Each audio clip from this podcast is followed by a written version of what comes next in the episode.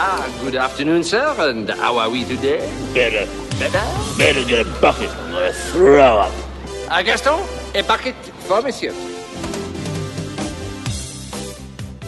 Cześć, witajcie w pierwszym odcinku dokładki spin-offu podcastu Rozgrywka. Ja nazywam się Prez, a ze mną są Razer Cześć. i Kaz. Hello. Ponieważ mamy już inne poboczne projekty, takie jak grube rozmowy, rozgryszamka, pierdololo czy odcinki specjalne tematyczne, uznaliśmy, że powinniśmy dorzucić jeszcze jeden. To Kolejny. jest świetny pomysł. A ponieważ rozgrywka jest najdłuższym podcastem w Polsce, to uznaliśmy, że jest nam za mało i chcemy więcej. I na pewno część z Was się ucieszy. Ale w skrócie to chodzi o to, że czasami e, mamy takie tematy okołogrowe, albo tematy, o których chcielibyśmy sobie porozmawiać, e, albo gry, których nie zdążymy wrzucić na podcast, ponieważ zazwyczaj tych gier jest całkiem sporo i gonią nas, nas e, różne e, plany, to czasami znajdziemy właśnie chwilę na to, żeby nagrać sobie taką dokładkę rozgrywki, w której będziemy sobie rzecz, o rzeczach i sprawach rozmawiać różnych, różnistych. I zaczynamy właśnie dzisiaj w odcinku w takim składzie um, Kaz, Razer i ja. Mamy parę tematów, o których chcielibyśmy porozmawiać, więc zapraszamy. Kurczę, I- właśnie sobie zdałem sprawę, że to są takie trzy pokolenia rozgrywki, bo jest ojciec założyciel, potem jest druga fala, czyli ja jestem reprezentantem i jest najnowsza trzecia fala, czyli prez. Takie, Ale z No drugiej dobrze. strony wiekowo jest podobnie, więc. czyli, czyli, No, nie ma wiesz, tych młodych szczyli. Ale Dokładnie. Czyli dwóch w zasadzie, bo tylko Tak. Adek i. Ogólnie to, ogólnie to Deusz. tak żeśmy z Maćkiem rozmawiali ostatnio o tym i, e, i, i zbiegło się to w czasie, kiedy najpierw ja byłem w Krakowie, a potem Kaz e, i każdy z nas spotkał się z Maćkiem. Niestety nie spotkaliśmy się w, w, we trzech, ponieważ ja akurat wtedy już jechałem dalej, kiedy, kiedy przyjeżdżał Kaz e, i Jak udało... po prostu jak się pres dowiedział, że Kas przyjeżdża w czwartek, to od razu spakował manatki i dwa dni wcześniej z hotelu Nie, wyjechał. takie spotkanie nas trzech to by już groziło załamaniem kontinuum czasoprzestrzennego po prostu, więc Tak. trzeba dozować. Nie w Warszawie. W każdym razie y, tak się złożyło, że w tym samym czasie y, Maciek najpierw mnie zabrał do Muzeum e, Gier Arcade w Krakowie, a potem Kaza. I chcielibyśmy od tego zacząć, bo to było dosyć ciekawe zderzenie naszych wspomnień z rzeczywistością e, i taka przebieżka po, po starych automatach z lat 90. i 80., jeżeli tam były jakieś wcześniejsze, to, to, to wyjątkowe. Nie wiem, czy kojarzycie coś z lat 70. Chyba by. Znaczy nie wiem jak tam. Coś Jakieś pierwsze było. Mariany były, jeszcze ten Marian, co tak ska- Super Mario Bros. to się skakało po platformach, a nie przez światy. Ale to chyba też jest 82 Tak? czy Aha, pierwszy. to a z nie 70 to co by miało być? Jakiś Galaksjan jest z którego no, roku? Nie, jakiś asteroid, znaczy takie właśnie stateczki jakieś były, ale ojeju. Nie było tej stonogi na przykład, tej Centipede? Czy jak to tam Centipede właśnie był. A to nie jest widzisz, 70 widzisz właśnie, dlatego tak kojarzy mi się, że część tych gierek była w latach 70. Galaxian to są lata 70. początek. Centipede też. Ten, No. e, ten pierwszy Mario, o którym mówicie, to jest w ogóle Donkey Kong, nie? Bo on się tak nazywał chyba. Ale Nie, nie, to był Mario, potem jakiś tak. Super Mario Bros. taki, czy tam coś. Mario Bros. Coś No bo był też Mario ten Bros. taki na stole, który, przy którym się siadało jak przy To był Donkey. Kong, tak. I był Czyli właśnie małpą, Donkey Kong, która który- rzucała Tak, ale był jeszcze Mario Bros, gdzie tam się chodziło dwoma braćmi i się zrzucało jakby z półki, że do góry się w takie klocki waliło jakby w podłogę twoją i ty spadałeś. I to było chyba. I to się nazywało Mario Bros po prostu. A ta następna, ta platformówka już standardowa, to ona była Super Mario, ta z Mhm. przesuwanym ekranem. Mhm. Y, I tam był właśnie ten, ten Mario Bros.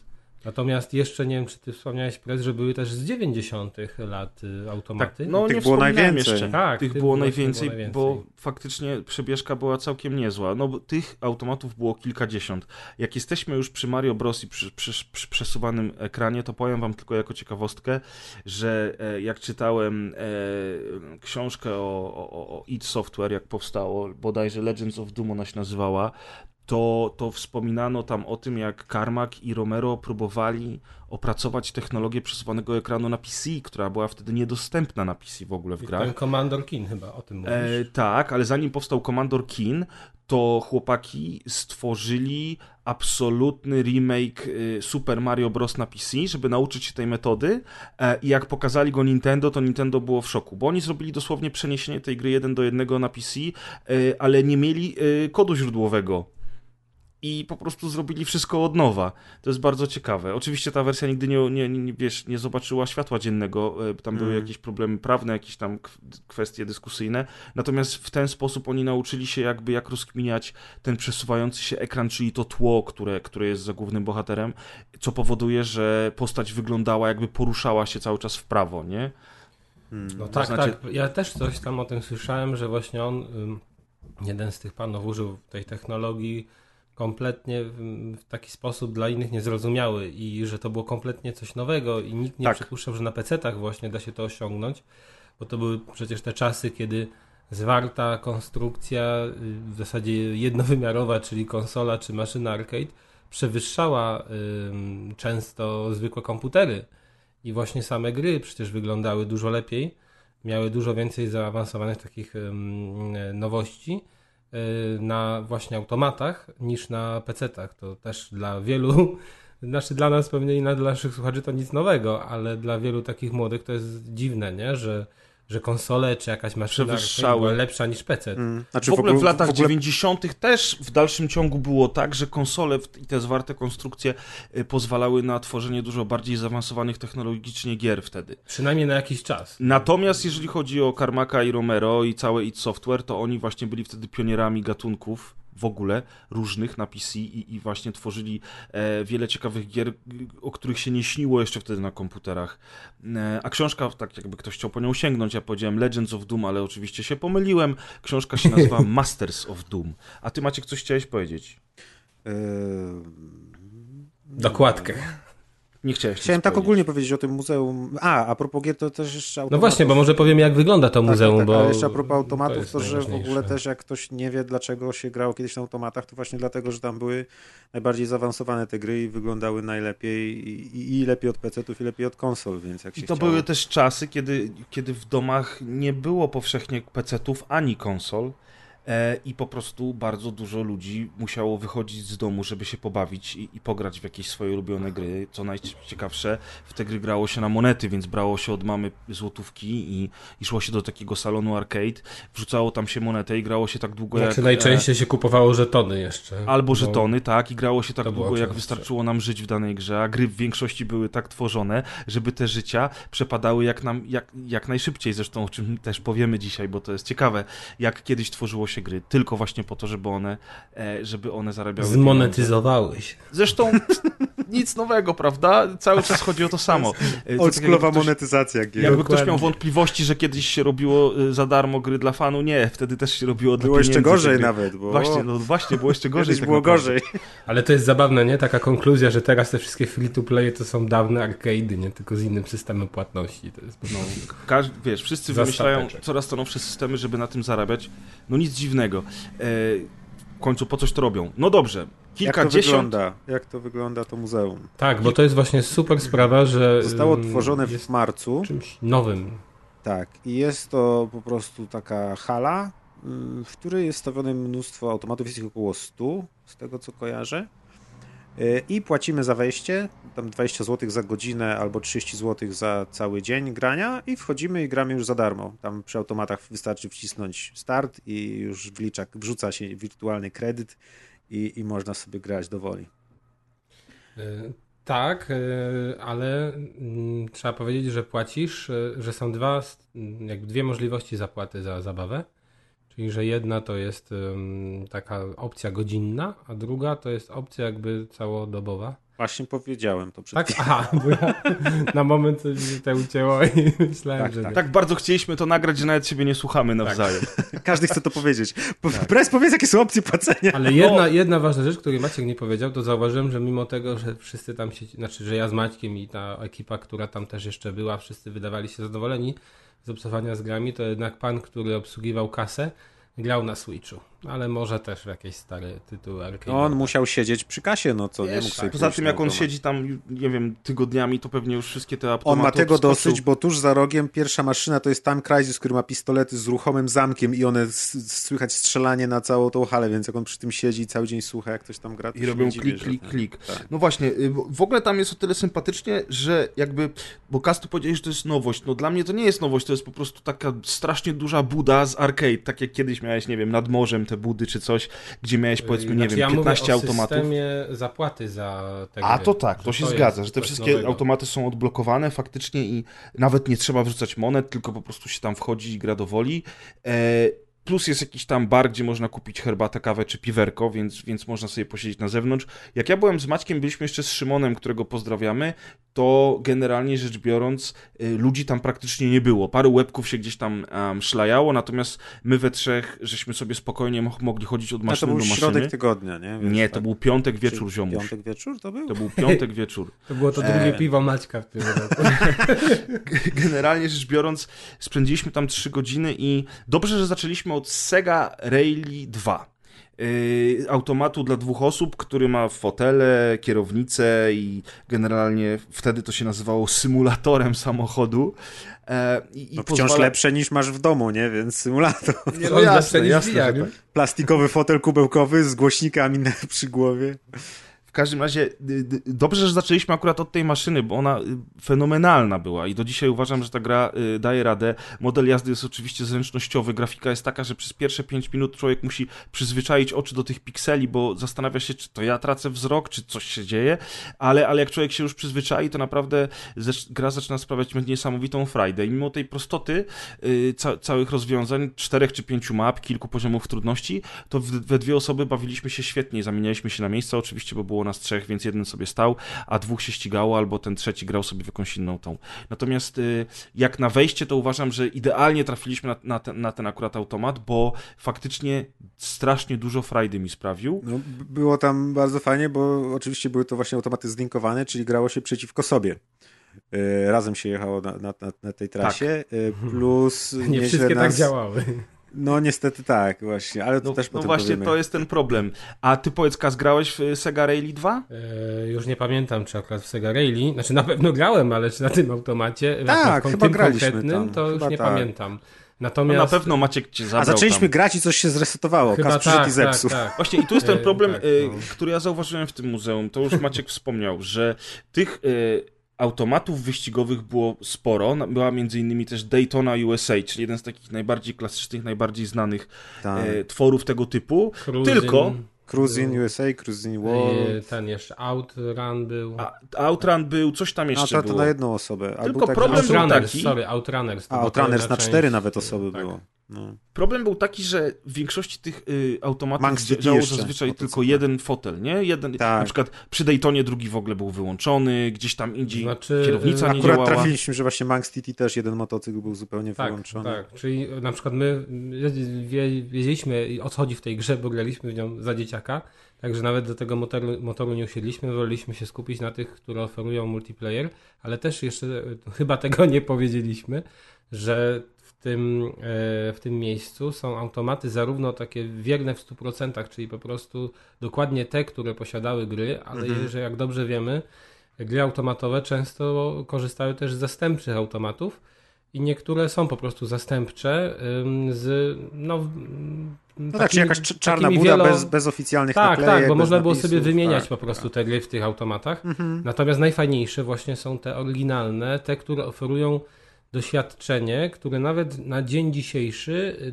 daje sporą frajdę i jest czymś więcej niż granie na konsoli czy na komputerze, bo chociażby trzymanie takiego gnata w ręku, tam chyba w, w Aliensach y, jakiś, Tak. to Alien on, 3 to był. On ważył nawet, wiesz, no, ty Ale grałeś w to właśnie, bo ja chciałem zapytać, bo ja ci powiem szczerze, że Nam się to podobało, znaczy mi się to podobało jak grałem z Maćkiem, jedna chyba z takich, y, nie grałem No, dłużej grałem z wcześniej. Kazem niż z Prezem. Nam się Tak. z Prezem nam się jakoś szybciej znudziło. szybciej nam się znudziło, ale właśnie chodzi mi o to, że yy, znaczy szybciej nam się znudziło granie w Alien 3, natomiast faktycznie No tak, trzy, to. trzy godziny spędziliśmy tam yy, na chodzeniu od maszyny do maszyny, nie niestety dużo maszyn nie działało, chociażby Virtua Cop pierwszy, który miał z- Jakieś zepsuty błędy ekran. graficzne. Virtua tak. Cop 2, w którym działał tylko jeden pistolet i strasznie Tak, byłem tak, zawiedziony. No właśnie, Tak no, samo w Parku samo Jurajskim też były rozkalibrowane pistolety i tam znosiło Niekiedy ekran miał, miał jakieś problemy, no ale to wszystko jest niestety Wiesz, tak Oni jest, tam mają coś takiego, że jeden dzień, bodajże wtorek czy środę, mają zamknięte i mają przeznaczone na naprawy. I wrzucają na swój fanpage, pokazują, że Mhm. tam grzebią, rozgrzebane te wszystkie części, naprawiają, załatwiają jakieś tam monitory, coś tam i tak dalej. Więc no, trochę to, trochę to na pewno zajmuje czasu. Widać było, że stały też z tyłu stare automaty, w sensie niedziałające, które były w trakcie remontu pewnie. Też jakieś tam dodatkowe kopie House of the Dead, czy, czy, czy Michael Jackson Moonwalker bodajże. Oj, tego żałuję, że nie mogliśmy zagrać. No, więc, więc no, na pewno to jest ciężka robota tutaj, bo to i trzeba części oryginalne załatwiać, albo jakieś zamienniki i tak dalej, i tak dalej. No, ale Znaczy na wszystko- pewno Maciek, nie? Tylko, Tak. że wiesz, okej, nie- nie płaciliśmy za to dużo. Jeżeli 30 zł można cały dzień siedzieć, to to jest spoko cena. Natomiast Mm. jeżeli co druga maszyna ma coś nie tak, No, co i te czwarta. najciekawsze maszyny, No właśnie. i te najciekawsze maszyny są wadliwe, wiesz, że nie możemy sobie Te, pograć te, te Cop multiplayerowe, 2. no. Mało było To- bijatyk takich na więcej niż dwie osoby też. Y, Było kiedyś to Knights of the Round Table, albo jakieś takie Dungeons and Dragons nawet na czterech To chyba graczy. było akurat, tylko na, właśnie na dwójkę. Tu, tu było wyłączone, a, a, ale też coś kojarzę, że tam kiedyś pisali, że mają czy coś, więc też jakiś tam obrót tych gier jest i tak dalej. Ale wiecie No, ale co, no szkoda, jedna, więcej jedna, jedna ważna rzecz jest taka, że po prostu to są tak stare sprzęty, że dzisiaj znaleźć do nich części zamienne jest y, ogromnym problemem, No. a z kolei to, co ty Prez mówisz, no wiadomo, to dla mnie też był duży zawód, że część z tych gier nie działały. Myśmy z kolei wykupili nie ten pakiet na cały dzień, tylko pakiet na Tak, godzinę, bo mieliśmy nie tylko mieliśmy godzinę. więcej czasu i ja ci powiem, że ta godzina to było zdecydowanie za mało, żeby nawet dobrze No bardzo szybko nam minęło. z 3-4 gry, bo... Pierwszy no raz to na na pewno. zegarek, było w pół do, potem już było za 10 i koniec. Tak, No na czyli pewno byśmy jakby, spędzili wiesz, tam 3 y- godziny i na pewno bylibyśmy w stanie jeszcze coś tam poszukać. Natomiast No tak, tak. I o to chodzi, że to jest właśnie taka, wiesz, nawet dla kogoś, kto jedzie tam na jeden dzień i myśli sobie, że te trzy dychy to w sumie dużo, bo się znudza po pięciu minutach, bo większość automatów nie działa. To jest nie do końca prawda, bo jest ich na tyle dużo, że można spokojnie, jak pójdziesz sobie z kumplem, tam parę dobrych godzin posiedzieć. A jak ktoś chce w ogóle pokończyć te gry, bo na pewno są też tacy, co wiesz, co grali przed laty, tak jak na przykład był Asterix, ja bardzo chętnie bym go ukończył, bo nigdy nie miałem takiej przyjemności, a to była jedna z takich gier, które ja bardzo dobrze pamiętam. Czy Cadillaki, akurat Cadillaki ukończyłem, ale też... Cadillacy, to- dinozaurzy to klasyk. To zrobił jeszcze raz, no, no to, to wiesz, to, to można naprawdę od rana do wieczora w tym siedzieć. No jasne, tam jest Punisher, ten z Nickiem Fury, jest Alien O. vs No Predator. Właśnie myśmy z Maćkiem się zachwycali pani Szerem, jak ta gra No, wyglądała. jeden z najlepszych. Wciąż taki jest płynny, taki jest szybki, niesamowite jak się gra. Jeszcze na tych, Ja mogłem... na tych starych monitorach to tak pięknie Tak, też wygląda. tak Tak, to że jest zupełnie prawda. inaczej. Te To jest wszystkie jednak- piksele z przeplotem, migający ekran, wspaniała atmosfera. W ogóle bardzo mi się podoba to, to, ta atmosfera tego miejsca, bo się wchodzi, po prostu słychać jak te wszystkie maszyny grają, wszędzie dobiega jakaś muzyka, jakieś dź- dźwięki, krzyki, te sample takie niskiej jakości. I wiesz, zamykasz oczy i się czujesz jak gdzieś w jakiejś Japonii w, w- salonie tam. Ale nie? właśnie powiem Jak wam, w Juracie, Maciek. Jak Albo jak, w- że jak, nie, jak w wozie drzymały się czujesz. jak taki mega wóz trzymały. Taki. Ja się Ale cieszę, że na przykład... Jedna tylko, czekaj, przerwę ci prezes Okej. sekundę, bo właśnie o tej Japonii była mowa, to tego trochę mi zabrakło. Chyba takiego czegoś nie było tam akurat w tym salonie. Mam wrażenie, że po prostu te automaty są wersjami albo Europa, albo Ameryka, bo Japończycy bardzo często mieli te automaty takie właśnie mm, połączone, że mogłeś sobie siedzieć. Z krzesełkiem takie, no. Tak, i z jednej ławeczką strony na przykład taka bijatyka była, że ty siedziałeś z jednej strony, a gość, który grał z tobą, siedział po drugiej stronie. Zupełnie się nie widzieliście, on miał osobny monitor, gdzie się nie można było szturchać łokciami. Tak, bo tutaj jest to fakt jednak mimo wszystko, na, jak my trochę dorośliśmy, to się okazuje, że jesteśmy trochę za wielcy. No, żebyś ty wiedział, jak prez się próbował do jednego fotelika samochodowego wcisnąć, to gdzieś jest zdjęcie, że ale- po prostu kolana pod brodą ma No nie może niestety ten, pedałów ten, ten wciskać. fotelik to był jakiś w ogóle żart, nie? To dla dorosłego człowieka to jest niewykonalne, ale się tam jakoś wcisnął bokiem. były też, te, były też te maszyny, gdzie na przykład we czterech graczy się gra. I jak myśmy we trzech już grali z Szymonem, to tak było miejsca na styk, na przykład przy Simpsonach, nie? W cztery osoby No. to raczej by się już nie dało. Tak. Y, Ja wam powiem, że y, na pewno to jest fajne y, w taki wojaż w przeszłość. Bardzo dobre jest to, że te gry są odblokowane i można przejść niektóre z tych pozycji, bo faktycznie jak sobie pograsz i trafisz na jakiegoś, na przykład w Dungeons and Dragons trafisz na jakiegoś bossa i się okazuje, że on ciebie trzepie jak chce, to gdybyś miał za to płacić pieniądze, to byś tam wydał majątek. No i Bo kiedyś Wtedy za dzieciaki... darmo wszystko chciał. O, Nie no, ale wiesz, chodzi mi o to, że kiedyś dzieciaki właśnie ten majątek wydawały i wtedy No kiedyś to się czasy- znało na pamięć pierwszy etap, nie? bo Dokładnie. tylko na tyle ci było stać.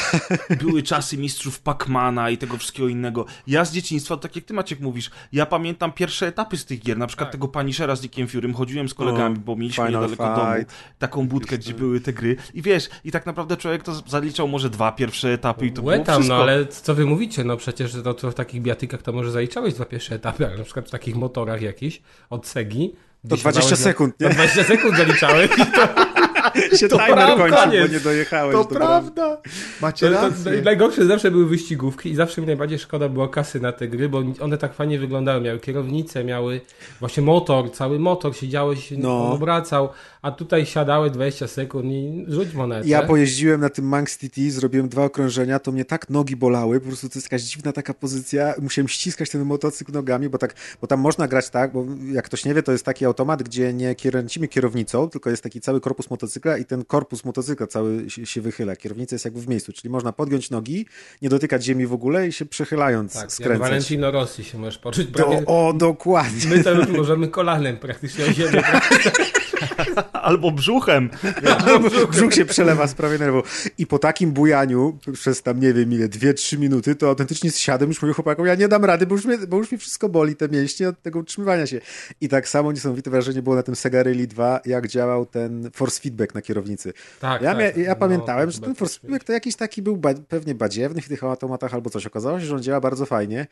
Yy, Znaczy pewnie bez porównania do tych kierownic drogich, które sobie można kupić do, do, No do tych komputerów. współczesnych to oczywiście, Tak. że bez porównania. Ale autentycznie było tak, że na przykład na asfalcie on stawiał taki opór, że jak z Szymonem jeździliśmy po asfaltowa trasa, to ja mówiłem, że nie dam rady chyba, bo po czwartym, piątym okrążeniu już mnie bolały mięśnie. bo Jak w prawdziwym samochodzie, nawet jeszcze większy ten opór stawiał. Jak na przykład się jechało na piasku, było lżej i też było niesamowicie czuć moment tego ślizgu, gdzie na przykład jak wchodziłeś w zakręt i składałeś samochód na bok, to on stawiał większy opór, a jak już jechałeś w ślizgu, to już był mniejszy i trzymałeś, trzymałeś, można było dosłownie czując kierownicę, wiedzieć, w którym momencie on łapie znowu przyczepność. To mnie naprawdę zaskoczyło, że taki stary automat, a, a, a te, te, te wrażenia force feedbacku są mega i normalnie też aż żałuję, że, że w domu tego nie ma, bo to się zupełnie inaczej w takie samochodówki gra. No tak, takim. i to jest właśnie ta różnica, że mimo wszystko, te, ja dopiero teraz sobie zdałem tak naprawdę po, tym, po tej wizycie w tym muzeum sprawę, że cały czas te arcady mają pewną przewagę nad dzisiejszymi grami.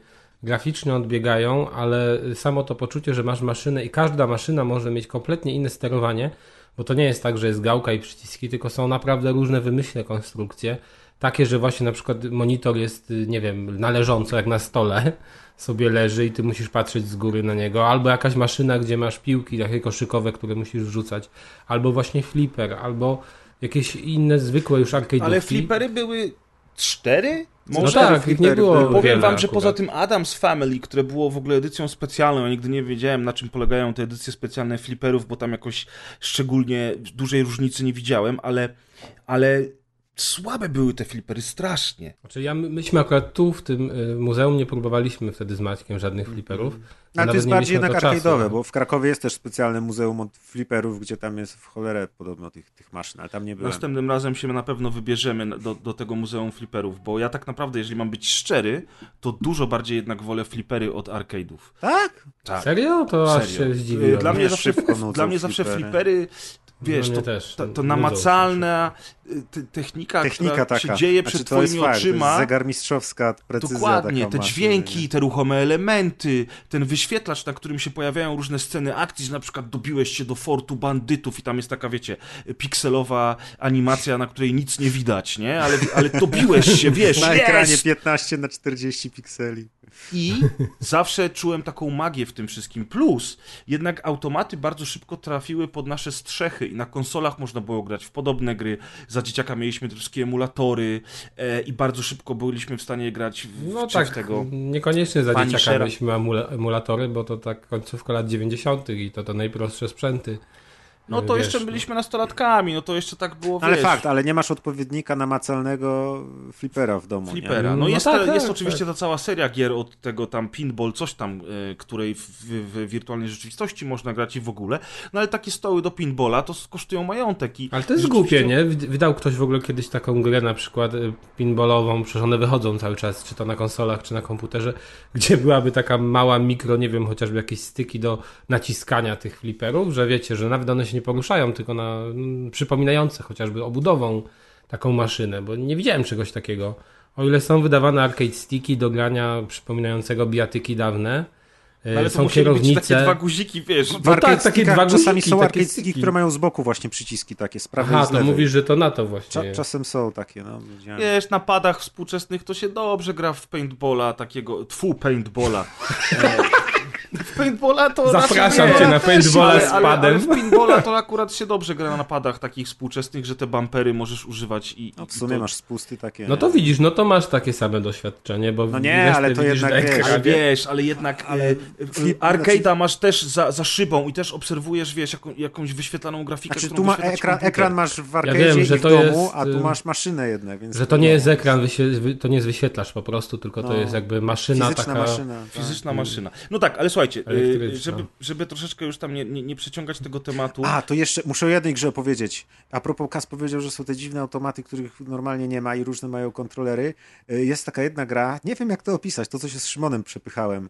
Y, A powiedzmy, wiem, to jest to seria jest. minigierek, jest to seria minigierek, gdzie każdy gracz y, może się tylko powiedzmy poruszać prawo-lewo. To jest jedyna mechanika nasza. I na przykład tam zbieramy monetki, które lecą z góry, albo omijamy jakieś tam lecące na nas, na nas jakieś tam przeszkody i możemy się poruszać w prawo, e, lewo ekranu, a, i każdy z dwóch graczy ma joystick, który wygląda jak taka, nie wiem, suwnica powiedzmy, i stajemy obok siebie i cały bajer polega na tym, że jak te suwnice, one są jakby w tym samym miejscu zamontowane, więc jak się spotkają na środku dwóch graczy, to można się przepychać na boki.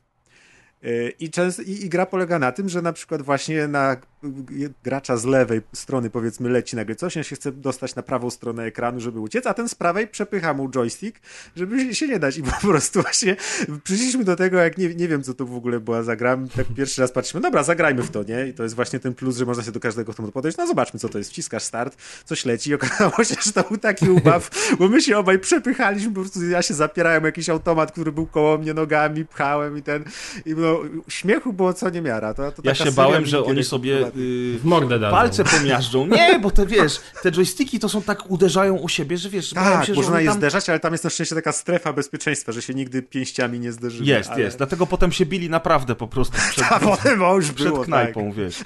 No. W każdym razie, ja, bo ja chciałem powiedzieć tak, ja na przykład się bardzo cieszę, że mogłem tam zagrać nawet przez chwilę w Die Hard Arcade, y, które jest takim e, swoistym Fighting Force na automatach. Ja go na żadnej konsoli ani na PC nigdy nie widziałem. Saturnie To na PSX-ie kiedyś. Chyba nie było? Ten właśnie Die Na Hard? PSX był Die Hard Trilogy. I on też był na PC, na natomiast PC tego też. arcade to Ten arcade'owy mógł być na Saturnie, ale głowy nie dam. Ja w niego też zawsze grałem w Jastarni, w Juracie i tak dalej. Ja grałem pierwszy raz w życiu i byłem, w, byłem zaskoczony, że, że on dalej tak świetnie się broni jako gra. I graficznie się broni, i mechanicznie się broni i naprawdę była mega frajda dla mnie, żeby zagrać. No wiadomo, Cadillacy i dinozaurzy to zawsze, tak samo jak AVP, ale ogólnie, czy, czy, czy te stare gry, właśnie Galaxian, e, czy Miss Pac-Man, e, fajne sprawy. War, warto pójść, zagrać, nawet jak się zagra 15 minut, to jest zawsze przyjemność jakaś e, taka z przebywania z tymi maszynami. Ale ja ogólnie, w przeciwieństwie do was, trochę się tam wynudziłem. To znaczy, tych maszyn było mnóstwo, połowa z tych tytułów, które mnie No najbardziej jak nie mogłeś nie działały. niektóre automaty... Nie no, przepraszam cię bardzo, jeden był bardzo Kurde, ciasny do fotel. dupy ten automat nie mogę usiąść. Te gałeczki takie No, małe, te przyciski nie mogę trafić. Press, wiesz, press siadał do kabiny i od razu gaz i hamulec, nie? I nie mógł ruszyć. Nie mówimy teraz nawet o samochodach, tylko o tych takich zwykłych, Nie, no bardziej wiem, growych grach, nie? I po prostu, no jednak mimo wszystko ja wam powiem, że Znaczy wydaje mi się, my tam też poszliśmy, wiesz, we trzech, więc y, ani tam nie chcieliśmy się rozejść każdy w swoją stronę, ani ten i szukaliśmy jakichś gier na dwie osoby, ale myślę, że jak już jest obcykane co gdzie jest, to ja na przykład żałuję, bo to jest akurat po drugiej stronie Krakowa, ja mam tam kawał drogi, jechaliśmy jeszcze z prezem wtedy w takie skwary, tramwajem, mało nie umarliśmy człowieku. po prostu. Yy, ale żałuję, że tam tak mam daleko, bo, bo wpadłbym tam teraz wiedząc już co tam jest i właśnie tak na parę godzin, a to już przysiąść porządnie do tej gry, a to przysiąść porządnie do tej gry, tak jak Kas mówi, przejść, przejść do końca i tak dalej, bo my tak trochę z kwiatka na kwiatek popróbować, popróbować, a w nic tak nie wsiąkliśmy, no w tą segę wsiąkliśmy najdłużej, bo tam myślę, że z godziny Znaczy, spokojnie. wiecie czego tam brakuje moim zdaniem? Akurat nie, nie już poza grami, że to jest tylko taki dosyć mały lokal, jeżeli chodzi o gastronomię, a gdyby z tego, gdyby to było w centrum miasta, zrobić z tego pub z prawdziwego zdarzenia i właśnie te automaty, to, to na pewno by się broniło. Ja trochę nie No. widzę właśnie tego pubu razem z automatami, a dlatego tego nie A dlaczego? Znaczy, okej, Puste tam, ręce. tam piwko jest, tylko właśnie wiesz, ludzie się napierdzielą, No tak, tak, wiadomo. rozwalą No. coś, rozleją, wiesz o co chodzi. Na piwko jest. Jest piwko tam, ale ja bym ja, Ale ja to jest właściwie na na bał, skalę. żeby robić z tego, wiesz, tam Znaczy, to jest rzeczywiście- jakieś jest- sekcje ze stolikami, żeby można było posiedzieć sobie z Nie, dala no, od tych y, automatów, ja nie? zgodzę się, Prez, że jest to zawsze jakieś ryzyko, ale faktycznie te automaty już mają na tyle y, lat, że mm, tak czy siak ci ludzie psują je, korzystając z nich. Tutaj może faktycznie groziłoby jakieś zalanie, no nie wiem, no. Zawsze się znajdą jakieś też jednostki, które mogłyby to zniszczyć, ale czy to miałoby aż takie znaczenie, jeżeli na przykład płatność do takiego wejścia do takiego lokalu kosztowałaby już jakąś kwotę, którą mógłbyś na przykład wydać w barze sobie dodatkowo, nie wiem, płacisz trzy dychy, a możesz sobie dychę na piwo. Tak, taka wstępna opłata, no to też już ogranicza, nie? Liczbę. Znaczy na pewno byłoby lepiej, gdyby to było bliżej centrum, bo to jest w takim miejscu, Tak. powiedzmy już na granicy Nowej Huty i to jest tam za wiele rzeczy nie ma. Tam jest park AWF-u, tam jest, to jest jeden przystanek od y, tej, y, No i Huta Tauron, od Tauron Areny, więc akurat Kas miał blisko na koncert. Tak, zaraz powiem, jak to tam nie z... O, zdarli ze mnie 50 zł. Ale jest to rzeczywiście taka miejscówka, gdzie no y, raczej chyba mało osób ma blisko, a jeśli już ktoś ma blisko, to to jest takie blisko, że cztery czy trzy przystanki albo coś. Nie, nie jest to takie miejsce, gdzie ktoś przypadkiem wejdzie. O. No, no, bo ono jest na uboczu, nie? I Więc tak gdyby to nie było właśnie, gdyby to było w okolicach y, dworca, y, rynku i tak dalej, tam bliżej, Tak, tych młynów, ty, ty, tych młynów, to, to na pewno byłoby i bardziej biegane. Chociaż tam, no, jak tam zagadaliśmy tych ludzi, to mówili, że no, nie narzekają na ruch, bo, bo bywa dużo osób właśnie, czy to w weekend, czy tam wieczorami. Bo w sumie wtedy było dużo, kiedy myśmy byli z Maćkiem. No jak byliśmy z Kazem, było, było sporo więcej osób, tak. No właśnie, a jeszcze tylko tak wracając na szybko dygresja, jak kiedyś pojedziecie do Tauron, Tauron Areny, to radzę się zaopatrzyć w bez plecak, czyli wszystko do kieszonki, albo Wielką jeżeli dziewczyną, to malute, maluteńką A, torebeczkę, maluteńko. bo takie do góra A4 przyjmują, a resztę trzeba, nagle się okazuje, że 50 zł za przechowanie, jeszcze nie zwracają. Ale No tak od dawna jest stary. Ja ostatnio byłem z koleżanką Naprawdę? w Warszawie na, na koncercie, to ona To musiał specjalnie- koleżankę zostawić za 50 zł. Nie, no ona Za w za domu taką małą torebkę wybierała i normalnie na wejściu masz pokazany znaczek, że do tej wielkości torebki można wnosić, a plecaki, To- to, to nie pamiętam kiedy ostatnio można było ja wam powiem, że dawno nie byłem na koncertach. plecaku wnieść na przykład za darmo. Nie można tak. No ale Znaczy masz tu- już nauczkę, będziesz wiedział, że, że dużo Ale wiesz, nie tutaj na przykład były, byli lepsi, byli gorsi, bo na przykład ci, co tam akurat byli z jakiegoś banku, który wspierał imprezę, mogli wnosić te torby. Ja nie widziałem żadnej informacji na ten temat i się zdziwiłem, i nie tylko zresztą ja, bo masa ludzi była strasznie wnerwiona w tym dniu, e, a też ja dawno nie jeździłem na koncerty, ale jak kiedyś jeździłem, to nie miałem nigdy takiej akcji. Zawsze byłem z plecakiem. Może byłeś na juwenaliach, a to była kulturalna impreza. No, na metalowych bardziej, no nie było takiej opcji. Może wiesz, ty byłeś na koncercie ostatni raz przed atakiem na World Trade Center. Nie, no z takich, nie, no nie wiem, ale chociażby na Metalmaniach jakiś, nie wiem, jeszcze 2000, może do 10 roku, no to zawsze z plecakiem się wchodziło i nie było się problemu. obawiali, czy byś się nie rzucił na gwiazdę. można było zostawić, czy tam nawet jeżeli była, jeżeli trzeba było, to nie było to płatne, a tutaj Kaz by chciał Roda Stewarta porwać tak jak ten. Borat chciał Pamela Anderson Tak, porwać. do dokładnie, w worka. ten plecak go chciał narzucić. Stary, nie wiem, ja nie nie. pamiętam y, za, zawsze wszędzie, gdzie nie idę na koncert albo na festiwal, to takich y, plecaków się nie wnosi, nie? A przechowalnie są zawsze płatne, bo ja pamiętam, I że, to najdrożej jak na świecie się tylko da. że zostawiałem w przechowalni parę razy kilka rzeczy różnych i, i one zawsze były płatne. Tu, tutaj tylko taka mała jeszcze jedna ostatnia rzecz, że ta przechowalnia to była w samochodzie w ogóle, więc wszyscy szli do małego czarnego samochodu. I ty Ojej. podjechał. Tam była mała czarna kanapa. Tak, tak. mhm. Taka fake przechowalnia to była. No, ale koncert udany, dobrze się bawiłeś? Tak, oczywiście. Zresztą masa ludzi, no wiadomo, że to jest repertuar raczej dla starszych osób, a nie dla, nie dla 20-30-latków, ale ja mam duży sentyment do, do, do Stewarta, od dzieciaka go słucham, więc dla mnie to było, no tak, założyłem sobie kiedyś, że muszę go widzieć chociaż raz, a że niedługo pewnie mu się kipnie, to trzeba było Kaz pojechać. optymista. Y, Ja na jakie koncerty chodzić, nie ja chodzi się na byłem kilka najmłodszych, dni zdrowych. przed Kazem też w Tauron Arenie, ja byłem z kolei na koncercie Kiss. I to też już są starsi panowie, ale też było niesamowite show i e, naprawdę warto było się na to wybrać. Szkoda, że to nie była kolaboracja Kiss i, I kontra Rod Stewart. Stewart. Tak. Ale w ogóle, no nie wiem, czy tak zauważyliście, bo to też ym, troszeczkę inny temat, ale jeżeli chodzi o koncerty, ja tak zacząłem jeździć na koncerty w okolicach, nie wiem, 2006, 2005, e, to i pamiętam, że właśnie tego typu gwiazdy, jak na przykład Kiss, no praktycznie nie było takich koncertów. A teraz to jak widzę liczbę e, tych gwiazd, które przyjeżdżają, już faktycznie może trochę przebrzmiałych gwiazd, ale jednak przyjeżdżają do Polski, to jest zatrważające. Po prostu tak się model zmienił zarobku artystów nagrywających muzykę, że teraz im się muszą zdecydowanie jeździć. bardziej tak opłaca Tak, koncertować. oczywiście, oni już nie zarabiają na płytach. Jak byśmy zestawili sobie ceny na przykład biletów z lat 90., kiedy były nawet takie gwiazdy jak, jak Black Sabbath w Polsce, no to wychodziłoby, że ta cena biletu była niższa niż cena płyty. A dzisiaj to cena biletu to przekracza wiele razy cenę płyty. No. Nie no jasne, ale wiesz, ale to, to nie tylko są tak zwane przebrzmiałe gwiazdy, wiesz, to są też No gwiazdy tak, największego tak, wiadomo. formatu. To, to Wiesz, również chodzi powinniśmy się z te tego cieszyć młodsze tak naprawdę. Zwróć uwagę na to, że w ciągu czerwca, ja w ciągu dwóch tygodni urlopu byłem na trzech koncertach Godsmack, Kiss i Disturbed. E, Potem e, zaraz po, po Kissach w Krakowie był Rod Stewart. Chwilę później w Warszawie był Phil Collins, bo chyba w, Bon Jovi w kolejnym tygodniu. Gdzieś tam jeszcze był Bon Jovi, wiesz. I tych zespołów, owszem, to są gwiazdy starsze już, ale to nie są też gwiazdy przebrzmiałe, to są w zasadzie gwiazdy e, tak, tak naprawdę światowego formatu. Na Phila Collinsa najtańszy bilet, o ile mnie pamięć nie myli, kosztował chyba 400 zł, Nie, a no najdroższy tak, jakby- 800, wiesz. Wiado wiadomo, że to nie. Nie, bo to według mnie to jednak są trochę przebrzmiałe gwiazdy, bo to nie jest ich. mm, Jakby y, okres lecą, no. wielkości minął już wiele lat temu. Teraz to jest odcinanie trochę kuponów. Możemy to porównać chociażby słuchając nowych płyt. No ile masz tych popularnych nagrań z tych nowych płyt, ile ludzi wspomina te najnowsze płyty tych właśnie wielkich e, muzyków. No najczęściej się wspomina te płyty, nie wiem, z lat 80., 90., jeżeli chodzi o te gwiazdy, które wymieniliśmy.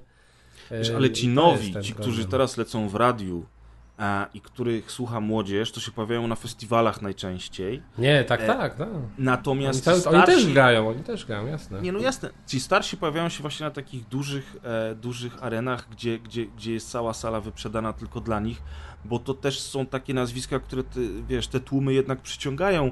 No my się powinniśmy cieszyć z tego, że jest taka możliwość, bo tak jak mówisz, kiedyś tych gwiazd u nas nie było w Polsce i żeby jakikolwiek koncert duży się odbył, to musiało nie wiadomo co się wydarzyć i wtedy to było wielkie wydarzenie, a w tej chwili na przykład już w ogóle się nawet nie reklamuje tych koncertów. Te koncerty się reklamuje przez internet, wszystkie serwisy, które sprzedają bilety, fanpage i tak dalej reklamują na przykład, ale jak byłem w Krakowie, byliśmy z, z, z moimi rodzicami i z bratem, bo, bo wszyscy się wybraliśmy na koncert, poza mamą, ona tam poszła do znajomych, no ale mama na KIS to raczej się nie wybierała, to, to mój ojciec chodził po Krakowie i mówi, a gdzie są plakaty, gdzie są billboardy? Ja mówię, tato, w dzisiejszych czasach nie wydaje się pieniędzy na reklamę w miastach, bo to nie ma sensu. I rzeczywiście zobacz, że jest Mm, taki racja. przemiał latem gwiazd, które, które się pojawiają, że jakby oni mieli teraz obkleić te miasta, to byś miał obok siebie Bon Jovi, Kiss, Rod Stewart, Phil Collins, Godsmack, Disturb, ktoś tam jeszcze, wiesz, Tak, no przecież non teraz stop, to jest do- wspaniałe, ja Słuchajcie, się strasznie cieszę. Dokładnie w tym momencie, kiedy był Rod Stewart, to montowali scenę na Mystic Festival, czyli na taki metalowy i trochę mnie zaskoczyła jedna rzecz, że w ogóle na przykład mamy dla mnie to gwiazdy światowego formatu i taki, ta- tacy guru swoich gatunków, czyli King Diamond i Testament i oni są wymienieni w ogóle jako tam małą czcionką, Małą nie? czcionką, no. no ale to kiedy, kiedy oni grali, no. King Tak, Diamond tak, ale no, wiesz, i oni, a kiedyś to, by, to były gwiazdy no, reklamowane wszędzie. Nie? No, ale to też, tak to, to też jest, to jest tak jak z tym z Rodem Stewardem, to jest jeden, może to jest ostatnia szansa, żeby zobaczyć jak oni grają, więc... No, no. Ale właśnie, jeszcze ty mówisz, ty mówisz o tym festiwalu, a jak ja zaczynałem urlop przyjechałem do Krakowa, to część znajomych moich była w tym czasie na Impact Festival, gdzie między innymi był Tool, czyli zobacz, w przeciągu dwóch, Tak, tak. trzech Mhm. tygodni I Dokładnie. to mówimy o dwóch miastach, mówimy o Jeszcze Krakowie, Muse był też niedawno, bo wiem, że akurat tak się złożyło, że znam parę osób, które jechały w bardzo podobnym czasie do Krakowa na różne koncerty. Bo tak tego było Ach, dużo. Kraków tygodnia. A teraz zaraz się zaczyna Opener zresztą, na którego się wybieram. Co prawda, jeżeli chodzi o festiwale, to ja zauważyłem, że z roku na rok coraz mniej e, znam tych wszystkich gwiazd, które są właśnie głównymi gwiazdami, ale gdzieś tam jakieś poboczne się Ktoś jeszcze tu się trafią. nam starzeje. Ta, natomiast, natomiast jestem pełen smutku, bo jutro, w środę, gra Robin, którą bardzo lubię. Ona gra taką raczej taneczną muzykę, popową. I, i, i, w sumie to nigdy nie było okazji, żeby posłać jej na żywo i tutaj ni stąd, ni zowąd, bam, y, Robin będzie na, na, na, na openerze. Natomiast ona gra o 1.30 w nocy z środy na czwartek. No to jest dla mnie taka pora dziwna, że to się w pale nie mieści. No bo świeżo po wiesz, Europie. Robin, Batman tylko w nocy. No właśnie, albo, albo Van Persie, to jeszcze Liga Mistrzów. Chyba, że tak, chyba, że tak. Okej, słuchajcie, koncerty, y, zabawy, rzeczy i sprawy, Muzeum Gier Arcade już mieliśmy, ja, jesteśmy już przy temacie urlopowym, to ja właśnie niedawno ten urlop skończyłem i e, chciałem wam o czymś opowiedzieć. Kuldan mówił, żebym opowiedział o tym na rozgrywce, ale ja mu Gdzie powiedziałem, nie? Kuldan, teraz robimy Nie spin-off. opowiem na rozgrywce. Dokładnie. Robimy spin-off i musimy mieć ekskluzywne tematy, żeby ten spin-off sprzedać, rozumiesz? To jest ukradzione z rozgrywki. Dokładnie. Tylko za paywallem posłuchacie dzisiaj o tym. Namiętne że wyznania preza z wakacji. O, W pamiętniki z wakacji preza, no. W Dawaj, międzyczasie między zwiedzaniem, imprezami i koncertami siedziałem sobie w wynajętym mieszkanku i grałem. Spędzał czas ze swoją ukochaną. konsolą. Tak jest. Grałem na Wicie. Wic, na Wicie, którą kupiłem rok temu i której praktycznie nigdy nie wyciągam z plecaka, gdziekolwiek nie pojadę. Ona po prostu jest w plecaku ze mną wszędzie, ale nigdy nie wychodzi. Jak takie niechciane dziecko trochę, którego nie pokazujesz gościom. Też tam rok temu też do tej pory. I dlatego nie można plecaków przynosić na koncerty. bo Nie wiadomo, co tam siedzi. Tak, właśnie, może na końcu Witę zostawić gdzieś na boku. Bo na Ale przykład gość słuchajcie- jeden sugerował, żeby zostawić plecaki sobie przy, przy Tauron Arenie, może nikt nie ukradnie. nie może tego prze- plecaka przeżyć, co? No, no Nie z ma. Poznania jest 50 zł mu zabrali. A on z No, takim jak- stelażem, jak wiesz, tam kiełbasa, ogórki, wiesz. Himalajstyczny, nie? Jak Jeszcze. Krakus owali po, Poznaniaka o 50 zł, to idziemy, idziemy na kosę. Piękne. W każdym razie, przekonałem się do Wity. Może nie, nie będzie to moje ulubione narzędzie do grania Ale e, szybko, szybko ci to dużo Tak, masz, no mało czasu ja ci dodają. Nie wiem, nie wiem czemu. Ja w ogóle nie lubię grać mobilnie. Powiem wam co ina inaczej. Siedziałem sobie w tym mieszkanku i miałem telefon e, Samsunga i mam, e, mia, znaczy To dlatego. mam telefon Samsunga i tam był telewizor Samsunga, ten współczesny taki Smart TV, że można sobie rzucić e, ekran z telewizora, z telefonu na telewizor. I ja mówię, a na E3 dopiero co reklamowali tego Elder Scrolls Blades. I mówię, mam tu Wi-Fi i tak siedzę w domu, Kupię sobie. odpalam. Nie, za darmo To jest. free to play. Tak, tak. Podobno strasznie zbezczeszczony mikropłatnościami. Nie wiem, bo grałem jakieś 10 minut w to, dlatego że zainstalowałem, oczywiście patch się pobierał, tam było chyba z 3 giga patcha i musiałem w tym momencie patrzeć na to, jak, bo wiesz, no nic więcej nie zrobisz, bo telefon musi być włączony i sobie leci paczyk. I odpaliłem tę grę, no mówię, no dobra, no spoko, no wygląda to nawet okej, tylko że ja już wiem, czemu ja nie lubię grać na mobilkach, bo y, granie na ekranie Bo trzeba dotykowym telefonu, nie, granie na ekranie telefonu, ja, kiedyś tam zdarzyło Czy mi się bo nie ma gier fajnych, no to jest problem. No, nie, nieprawda. Zdarzyło mi się kiedyś kupić między innymi, e, słuchaj, grę. GTA Chinatown Wars. E, No. Zdarzyło mi się kupić jakieś AVP, które jest tylko i wyłącznie na, na Androida i na iOS-a grą płatną i to jest jedna z tych gier, które nie mają reklam ani mikropłatności, płacisz tam za nie 12-14 zł i sobie grasz. Ale ja te gry, zarówno GTA Chinatown Wars, jak tego AVP, to odłożyłem w kąt po pół godziny grania. I teraz jak odpaliłem to Blades, to miałem bardzo podobnie, że no granie na tym ekranie dotykowym i cały ten system sterowania, który polega na tym, że dotykasz tych odpowiednich miejsc na telefonie, przesuwasz tym palcem, a jednocześnie teraz mając rzucony obraz na telewizor, zamiast patrzeć w telefon, patrzę w ten telewizor, to totalnie, totalnie to było dla mnie niewygodne. Zero przyjemności. Mówię, nie, dobra, walić to. Ja nie będę grał na komórce. Wyciągam tą witę. No i tak się okazało, że akurat tego wieczoru, którego miałem wolne i nic nie robiłem, spędziłem trochę czasu z Mortal Kombat 9, czy tak naprawdę on się nazywa po prostu Mortal Kombat, bo to jest reboot serii, e, i wciągnąłem się na maksa. I w ogóle Vita się okazała idealną maszynką do grania w tę grę, bo chwilę wcześniej, na fali oczywiście popularności premiery MK11, y, odpaliłem sobie tego Mortal Kombat 9 na Steamie z padem na telewizorze i gra wydawała mi się już być trochę powolna, trochę archaiczna pod względem oprawy i mechaniki i szybko się od niej odbiłem. Natomiast ta sama gra na Wicie perfekcja. Co ciekawe, te animacje, wszystkie CGI, które się dzieją między walkami są takie same, ale jak się włącza walka właściwa, ja tak oglądam tą animację, to intro, mówię, o, takie samo jak na PC-cie. Jakie panie! Ale efekty, a potem się włącza walka i nagle się okazuje, że dostajesz taką mega upośledzoną wersję Mortal Kombat z takimi low teksturami, ale super płynne. I teraz dużo mówiliśmy o Mortal Kombat niedawno i teraz też sobie pogadamy trochę, bo, bo co by nie było, to jednak jest ważna seria dla nas graczy starych dziadów, która towarzyszy nam w zasadzie od dzieciństwa i powiem wam, że super było wrócić do tego starego Mortala. Bo Ale na Mortal Wicie, Ko- tak? Na Wicie, Ty, tak. Tylko ale- na Wicie, czy jeszcze na czymś? Znaczy, y, inaczej, gdybym. Może bym teraz, gdybym się przełączył, prawie całą grę została mi ostatnia walka, ale gdybym przy- na przykład w połowie gry miał się prze, prze, przesiąść na PC, to pewnie bym tak samo na PC czy tam na konsoli chętnie dalej pograł. Dlaczego? Dlatego, że y, bardzo ciekawa jest historia w Mortal Kombat y, 9, bo ona jest tak naprawdę powtórzeniem historii z Mortal Kombat 1, z Mortal Kombat 2 i z Mortal Kombat 3. Dlaczego? Dlatego, że mamy reboot, bo to jest reboot, ale to jest reboot zrobiony dobrze.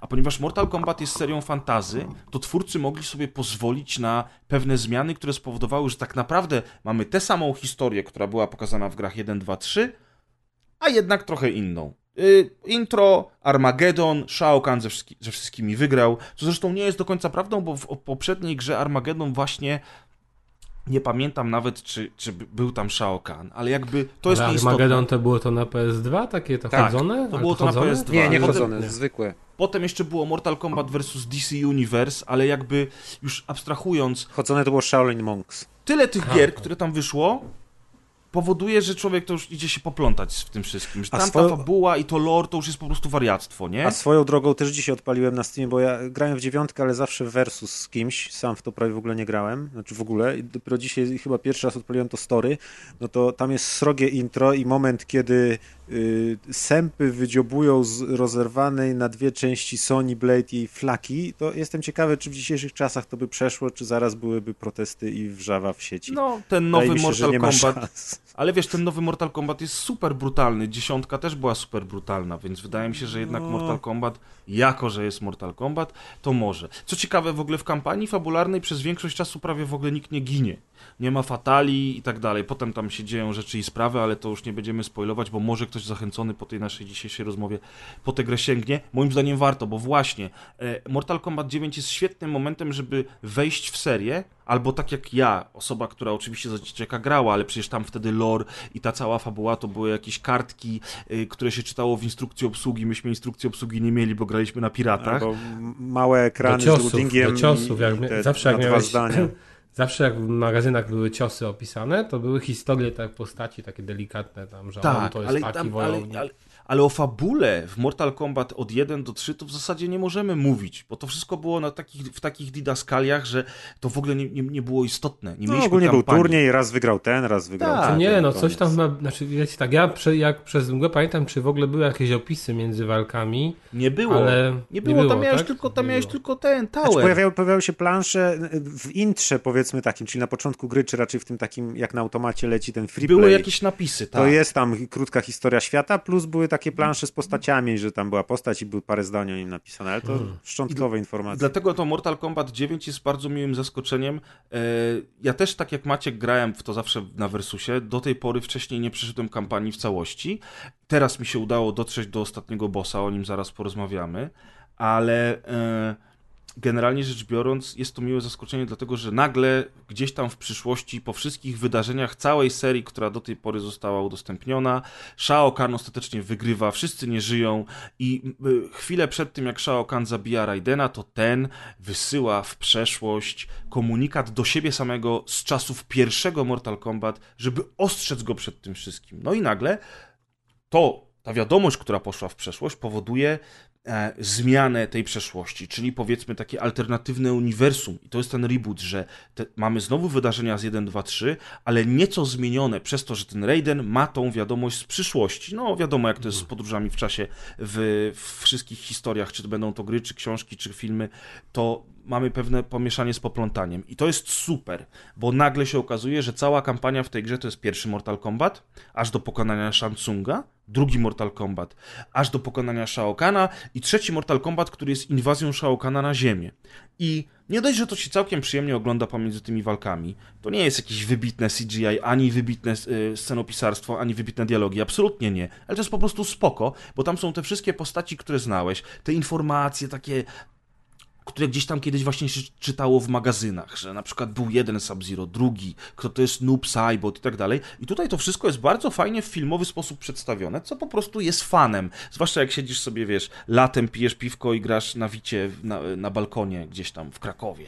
To, to można, to nie musi być jakaś skomplikowana fabuła. Mm, I przede wszystkim, co mi się najbardziej w tym wszystkim podobało, to jest to, że odświeżone, zrobione od nowa plansze ze wszystkich części są w tej kampanii. I nie są wszystkie plansze, bo ja sprawdzałem w Wikipedii, tam tych plansz oczywiście w każdej odsłonie było ileś i wszystkich nie wrzucili do jednej gry, natomiast wrzucili dobre 70% całości. Więc masz te podstawowe plansze z jedynki, te takie fajne z dwójki typu e, te kanały, gdzie był kwas, pamiętacie, jak tam się mm, wrzuciło tak, typa, to on się topił Dla mnie i tak najlepsze były kolce, ale nie pamiętam, w której one były, czy w dwójce. Kolce są w The Pit, The Pit był chyba już w jedynce. E, i wtedy spadał koleś z tego mostu w dół. Tak, tak Natomiast tak, tak. najfajniej mi się wróciło do map z trójki, dlatego że ja trójkę najmniej pamiętałem. I y, mapy z trójki bardzo brzydko wyglądają na tym. No ta Vita, no, no, no oszukujmy się, lepiej, jeżeli będziecie grali, to lepiej zagrać na czymś innym, ale, ale takie o metro, o, mm. na dachu budynku jesteśmy, o, jesteśmy na moście i coś tam jeszcze, o, wieża w ogóle zegarowa. I naprawdę świetnie się do tego wszystkiego wracało. Plus w ogóle te postaci, które mi się w trójce wygląda, wydawały trochę takie z dupy. Na przykład Striker, nie? Ja mówię, co to za policjant w ogóle, co on robi w Mortal Kombat, co oni oszaleli? A tutaj te postacie są wplecione fabularnie w rozgrywkę. No i faktycznie, jak jest inwazja na Nowy Jork, no to policjant był akurat na służbie i, no, no i się jakoś tam znalazł. Nagle wszystko ma sens. To nagle wszystko ma sens. Dlatego ja po prostu tak się wciągnąłem w tą historię, mówię, kurczę. Druga zaleta tej gry jest taka, że kampania jest trudna. Powiem wam, że dziesiątka i jedenastka w kampanii już takie trudne nie są. E, ja ogólnie w bijatykach stronie od, od multiplayera z innymi ludźmi. To jest tak, jak niektórzy przechodzą Call of Duty dla, dla singla, to ja zazwyczaj bijatyki jednak przechodzę dla singla albo gram arcade, tam różne rzeczy, więc y, tego wyzwania troszeczkę mi brakowało. A tu nagle się okazuje, że Mortal Kombat 9 to jest solidny wpierdziel momentami. Zwłaszcza jak ale są sam takie... Mortal, ale w ogóle się te pierwsze Mortale, ja pamiętam, że te końcowe walki, nie wiem, z Goro, na przykład, y, nie wiem czy w dwójce to był Goro, ale no w każdym razie one były dosyć, dosyć trudne były. No, tak, właśnie, nie? tak. I tutaj jest też tak jest, albo na przykład są takie motywy, że ty na jednym życiu musisz walczyć z dwiema postaciami naraz. I raz no. wychodzi jedna, raz druga, natomiast każda z nich ma osobny pasek życia i ty musisz zjechać oba te paski życia, żeby przeżyć. W pewnym momencie w ogóle jest taki, tak już pod koniec gry jest taka sytuacja, w której wyskakuje na ciebie trzech kolesi i oni wyskakują po kolei, każdy ma swój pasek życia, ale ty masz jeden pasek życia i na tym jednym pasku życia musisz wszystkich trzech pokonać, po czym jest filmik i znowu trzech innych kolesi i znowu ty na jednym pasku życia. I to jest naprawdę ciekawe, bo trzeba się postarać. I czasami masz takie już, wiesz, że rzucasz pod nosem e, przekleństwami, ale mówisz, nie no dobra, jeszcze raz spróbuję, jeszcze raz. I po chwili, przy piątym podejściu, starcie, pach, pach, pach, bam, wygrałeś z Goro. I to jest super. Natomiast dotarłem do drugiej walki z Shao Kanem, e, która jest totalnie ostatnią walką w całej grze i nie jestem w stanie go pokonać, nie? Po prostu jest tak przegięty, że to też jest takie z drugiej strony, a no tak, z jednej strony e, trochę tęsknię za tymi starymi czasami, jak gry były trudniejsze, ale z drugiej strony ci bossowie, ci bossowie byli zawsze tak przegięci, że o mamo. No. I do, do tego stopnia dostaje baty, bo on ma tak, on ma wszystkie ciosy silniejsze niż twoje, nie możesz go chwycić, e, on bardzo często ma ciosy, które są nieblokowalne i do tego wszystkiego jest dwa razy bardziej wytrzymały od ciebie. Plus jeszcze typowe oszukaństwa, czyli blokuje wszystko, co się da, y, albo od razu reaguje właśnie na, No, po, po No, po ułamku sekundy on- na twoje tak, ciosy. No, on reaguje dokładnie tak jakby, no nie wiem, idealnie, no lepiej się nie da. Czyli tak jakby właśnie to, co ostatnio kiedyś mówiłem wszystko. o Mortalu dwójce, którego próbowałem grać przeciwko komputerowi. Tam nawet pierwszych postaci bardzo trudno jest pokonać, bo właśnie jest tak AI napisane, że totalnie reaguje po jednej klatce animacji na to, co robisz. Ale wiesz co, Prez, ja tak ci powiem jedną rzecz, że na przykład dla mnie, bo ty mówisz o tej Wicie, to ja w pewnym momencie, jak miałem y, pierwszego iPhone'a, sobie nabyłem, to y, Pamiętamy. m, pamiętamy, y, tam już parę, chyba nie wiem, dwa trzy lata po tym jak wyszedł, chyba, chyba dwa, to wyszedł Street Fighter 4 na komóreczki, to to była moja najdłużej katowana gra na telefonie. Ja po prostu odpalałem sobie, że przechodziłem właśnie kampanię, całą e, tę grę przechodziłem sobie na tej komórce i aż do tego najwyższego stopnia trudności, nie? I na przykład bywało tak, że jedną postać to tam, e, nie wiem, dwa miesiące albo trzy miesiące ogrywałem, bo po prostu kiedy miałem czas, na chwilę odpalałem ten sprzęt i sobie w to grałem, nie? I to jest taka fajna zaleta tych e, przenośnych sprzętów i właśnie bijatyk, że możesz sobie odpalić y, w dowolnym momencie, nagle włączasz i jest ta sama walka i sobie grasz. I to też dotyczy właśnie Switcha. Że A możesz wiesz, sobie właśnie- odpalić na dany moment, na szybcika, na 10, nie wiem, na 5 minut, na 3 minuty i masz tę chwilę fanu i później robisz coś innego. Albo Jasne, a właśnie a propos odpalania tego, to jest to o tyle ciekawe, że wczoraj pierwszy raz od powrotu z urlopu, czyli ponad tydzień odkąd wróciłem, wyciągnąłem Witę i się okazało, że jej nie wyłączyłem, tylko Mhm. uśpiłem. Tak. I wcisnąłem guzik, natychmiast była już uruchomiona, ty i było dokładnie w tej walce, na której skończyłem. I co ciekawe, bateria praktycznie nic przez ten tydzień nie straciła. No tak, no to jest to Jak samo na na, Switchu. Switchu. No. no tak, ale, to Ale, jest ale jeszcze jestem pełen technologia. podziwu, bo w czasach, kiedy nasze komórki, wiesz, tracą baterię w ciągu, nie wiem, 18 godzin odładowania i nie, nie są w stanie nawet doby wytrzymać, to, to fantastyczne jest to, że, te- że, że te zabawki tak długo trzymają. I wiesz, ani to nie było nagrzane, ani nic, bateria praktycznie niezużyta, a ta gra na pauzie wisiała od tygodnia sobie w szafie, nie? No tak, ale to jednak troszeczkę inna technologia i też mniejsze obciążenie, bo tu jednak w tle cały czas odświeża telefon, a no konsolę nie, ale fakt faktem to jest zarąbista sprawa. Dla mnie też, właśnie dlatego ja wolę na przykład na tym Switchu w coś pograć, bo wiem, że naciskam przycisk i już wracam do gry i może to trwać 5 minut, może to trwać minutę, może to trwać godzinę. Ja kończę, znowu naciskam i jestem i koniec. No, No, pamiętam jak w super PS4 sprawa. mi się to spodobało, że nie muszę czekać, aż się ten głupi Red Dead 2 załaduje, tylko sobie ją usypiam i potem To też jest fajne, ale mimo wszystko to jest gram. y, dłużej. To wszystko trwa na PS4. Troszkę dłużej, no ale i tak o wiele krócej niż by się grę odpalało od nowa. No dobra, a tak w ogóle na przykład z Mortalami jakieś macie skojarzenia takie właśnie, nie wiem, z tymi starszymi częściami dzieciństwa. Z czym wam się kojarzy ta seria? Bo ja mam takie, takich kilka mm, jakby skojarzeń z nią, dlaczego ją zawsze będę pamiętał i dlaczego ona była ważna, kiedy byłem taki młody. I mimo, że nie grałem, znaczy nie, też grałem w dziewiątkę w parę właśnie takich versusowych starć, to później już nie. Wydaje mi się, że do czwórki, później coś na PS2 jeszcze grałem. Yy, chciałem bardzo mocno zagrać ten Mythology z Sub-Zero, ale mi się to nie udało. Później się okazało, że ta gra jest strasznie słaba. No ale dobra, no to co pamiętacie z tej W ogóle serii? Sub-Zero i ten Special Forces są prawie niedostępne, jak możesz się kupić na Amazonie, to kosztują majątek. Znaczy ja je chciałem kupić, jak one wychodziły, znaczy ten Mythologist, nie? To to właśnie wtedy już, mnie, już się napalałem na to, jak to będzie wyglądać, bo to miała No. się być platformówka z Sub-Zero. Mortal Kombat chodzony, nie? z jedną z ulubionych postaci, no... To... Ja, ja nigdy nie grałem w Sub-Zero, słyszałem, że jest kiepski, ale yy, ta gra, o której wcześniej wspomnieliście, czyli Shaolin Monks, była świetna. Ona nie ma jakichś tam super ocen, ale ja pamiętam, że w dwie osoby na dobra, PlayStation 2 naprawdę. to, to była piękna zabawa. No dobra, ale pytasz się ten, to ja sobie Maćku pozwolę pierwszy. Proszę bardzo, Dziękuję bardzo. Yy, pozwalaj sobie. Dziękuję.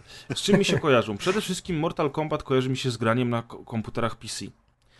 O, Dlatego, to mi że wcale. Znaczy też... Jak y, w jedynkę i dwójkę i trójkę i w Mortal Kombat Trilogy i w czwórkę nawet jeszcze grałem na PC, wtedy konsol praktycznie nie miałem poza Pegasusem. E, Pamiętam, że się siedziało we dwóch na klawiaturze, jeden z lewej miał przyciski, drugi z prawej i się razem tłukło. I, i to był zawsze dla mnie, Mortal Kombat to był dla mnie pecet w ogóle Mhm. i druga rzecz, to było zawsze granie z kimś. Właśnie mam, mam do dzisiaj takie wizje. y, jak siedzę z bratem u nas w domu rodzinnym i gramy w jedynkę, albo w dwójkę, albo z sąsiadem za ściany, który miał wtedy lepszy już komputer, jak wyszła trójka, al, albo to może już było nawet trilogy, i graliśmy razem e, właśnie w, te, w tę odsłonę, dlatego że pamiętam dokładnie Jacksa, pamiętam Sindel, pamiętam tą planszę na moście z tym portalem w tle i to już była trójeczka, bo nawet wtedy już były takie, wtedy pamiętam, że to było niesamowite, że w sumie jedynka, dwójka i trójka wszystkie się graficznie zmieniały, one ewoluowały, mimo tego, że tak naprawdę wyglądały nadal tak samo. I w trójce te papiery, które zawiewały Ale na trójka moście, też kiedy... miała tam chyba dwie odsłony, nie? Bo miała te jakby to, to Było Mortal Kombat trójka, 3, Mortal Kombat. Ultimate 3 i było potem Mortal Kombat no. Trilogy. Maćku, sprawdziłeś może, czy w Trilogy były mapy ze wszystkich części? Y, Były, nie wiem czy są wszystkie mapy dodane, ale były i z jedynki i z dwójki też dodane, bo Trilogy było właśnie taką mm, ewolucją trzeciej części, więc dodawali tam do trzeciej części elementy, dodawali, tak jak trzecia część wprowadziła kombosy przeprogramowane albo bieganie, to, mm, to też te postacie tam jak Baraka czy Raiden, których nie było w trójce, dostały też kombosy i ten i bieganie i inne animacje. Co ciekawe, y, aktor, który grał Johnego Cage'a y, po trójce zrezygnował, ten Pessina, czy jak on się tam nazywał, Tak, i w tak. Ultimate, y, w, w, tu, w Trilogy grał go już ktoś inny i w Trilogy Johnny Cage nie ma tego słynnego szpagatu z ciosem w jajca, ponieważ nie mieli w ogóle nagranych animacji postaci w, aktorów z trójki, bo w trójce nie było Johnny'ego Cage'a, więc nie mieli tego, tych animacji, gdzie oni się trzymają za krocze i telepią i Johnny został w Trilogy bez swojego najbardziej znanego ciosu. A to widzicie, no to na przykład y, ten, no właśnie, no Torres, to jeszcze coś? Bo tak, Nie, no właśnie. Miałeś zacząć, Pamię, a- ja pamiętam, ja- jak ty mówisz Mortal Kombat, to ja pamiętam dokładnie. Yy, pecety. ale pamiętam też biurko u mojego sąsiada. Pamiętam, że siedzimy razem i gramy. Pamiętam, jaki kolor miało to biurko w ogóle. O, I, kurna, i, i, pamiętam, że, pamiętam, że. Nie, bo to jest, to, to, to jest takie tak silne wspomnienie, e, że myśmy byli nieco młodsi niż jego starsza siostra, która wtedy na przykład zrobiła domówkę jednego dnia i tam laski chodziły i typy, i tam jakaś muzyka leciała i w ogóle, a myśmy siedzieli we dwóch i napieprzali w tego Mortal Mortala, wiesz, nie? I tylko ta starsza siostra czasami do nas zaglądała, a my tam, wiesz, fatale żeśmy robili. Ona za To- każdym razem miała coraz mniej na sobie ubrania, nie? I może teraz się dołączycie do zabawy. Nie, Fatality, Mortal Nie, nie, ona za każde fatality rozbierała szczęście I tak presję telepał, jak zrobić te fatality. O Jezus. I wszystkie, wiesz, magazyny żeśmy wertowali. No ale nie, pamiętam, to były... Dziś dla mnie te gry są niegrywalne. One... Y, kocham z całego serca, ale one są już niegrywalne. Nawet podejrzewam, że gdyby było Trilogy, chociaż nie można go nigdzie dostać i w tej chwili jedyne, co się da zrobić, to kupić za grube pieniądze płytkę na pierwszego PSX-a i odpalić tę grę sobie na, na, na konsoli, to Ona jest na podejrzewam, PC że... teraz też chyba jakaś niegrywalna w ogóle na nowych systemach. Nie, no nie ma tej wiem. gry, nie jesteś w stanie nawet pirata Ale to nie, jest, to nie jest tak, No. że chwila, chwila, jest moment, bo tam często w tych mortalach jest taka opcja tej krypty, gdzie możesz otwierać różne znajdźki i nie wiem, czy w którejś części nie było właśnie y, tej trilogy do odkrycia. Nie wiem, czy Może. na PS2, czy gdzieś. Chyba jakieś stare części były. Warto, warto sprawdzić. To też no, niewspółczesne czasy. Nie wiem, czy w tych nowych tak jest. Y, W każdym razie ja na przykład pamiętam, właśnie dla mnie zawsze był numerem jeden Street Fighter jakoś tak dużo bardziej ukochałem sobie tę grę. Może dlatego, że ona miała taki mangowy styl, a y, to był wtedy tak, znaczy jeden z najlepszych stylów, jaki mi się najbardziej podobał, właśnie ten typ japońskiej animacji.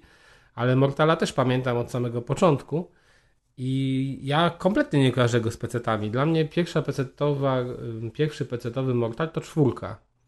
I w sumie do tej czwórki te Mortale kojarzę, najmniej właśnie też trójkę. Yy, I ja pamiętam akurat z Amigi, zdecydowanie z Amigi te, te pierwsze Mortale.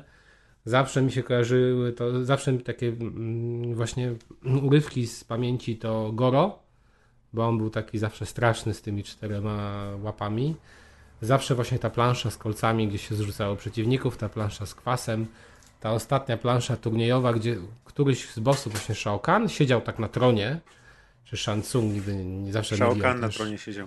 Tak, te postacie, to tak mi się kojarzy. I druga taka rzecz, już niezwiązana z grami, to właśnie mm, film.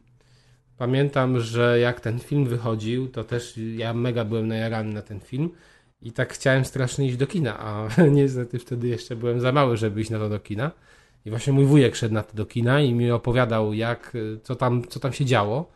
I później chyba na Kanał Plus, gdzieś jako, jako pierwszy leciał w telewizji ten Mortal Kombat i obejrzałem go.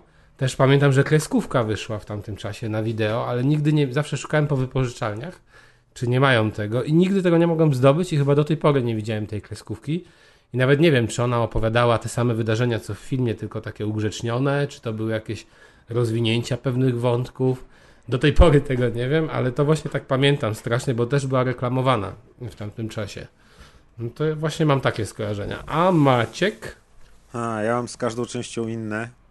Jedynka mi się kojarzy, bo ją widziałem pierwszy raz w wozie Drzymały, y, bodajże w Jastrzębiej Górze. O, bo to też był częsty w ogóle bywalec y, arcade'ówek, nie? Znaczy tych y, wozów drzymały. Tak. I pamiętam, że szok wywołało mnie, że właśnie tutaj człowiek przyzwyczajony do pani Shera czy tam Street Fightera i nagle normalnie żywi ludzie w tej grze się biją i jest krew, brutalność, ale nawet ta krew i brutalność nie zrobiły na mnie takiego wrażenia jak to, że wow, jaki jest nagle skok graficzny, że tu były tam, ja pamiętam jeszcze jak byłem mały, gdzieś tam za granicę rodzice czasem wyjeżdżali na, tam, to mnie zabierali, to jakieś właśnie się grało na jakichś SNESach czy coś, jeszcze nie wiedziałem, z żadnych nas nie znałem, ale tam jakieś Streets of Rage kojarzyłem coś i widziałem jak powoli te gry się stały coraz ładniejsze i nagle ten pierwszy Moltar był nagle takim jakby kompletno, tak, zmiana paradygmatu, że kompletnie teraz zapomnijcie o tamtych grach, teraz są zupełnie inne gry. Ale w tą jedynkę to wtedy w ogóle nie grałem, tylko tam parę razy na automacie widziałem. Y, W dwójkę grałem mega dużo czasu y, na lekcji, na lekcjach y, techniki, czy tam, nie wiem, to była siódma, ósma klasa podstawówki i wtedy na technice była wprowadzona informatyka taka niby. Na technice był Mortal Kombat. Tak, i na informatyce oczywiście tam pierwsze dwie czy trzy lekcje to było rysowanie y, w logo żółwiem jakiś tam kresek, a potem rób ta co chce ta, no i był tam Wolfenstein i coś tam innego, ale był też Mortal dwójka. No to tego Mortala to tam no ile razy była technika, tam nie wiem, raz czy dwa razy w tygodniu, plus jeszcze jakieś kółko potem było komputerowe, że można było po południu przychodzić, no to też przychodziłem, bo tam do szkoły miałem 10 minut piechotą, to się umawiałem z kumplem i też przychodziliśmy i tam graliśmy, więc w dwójkę mnóstwo czasu w- wtopiłem.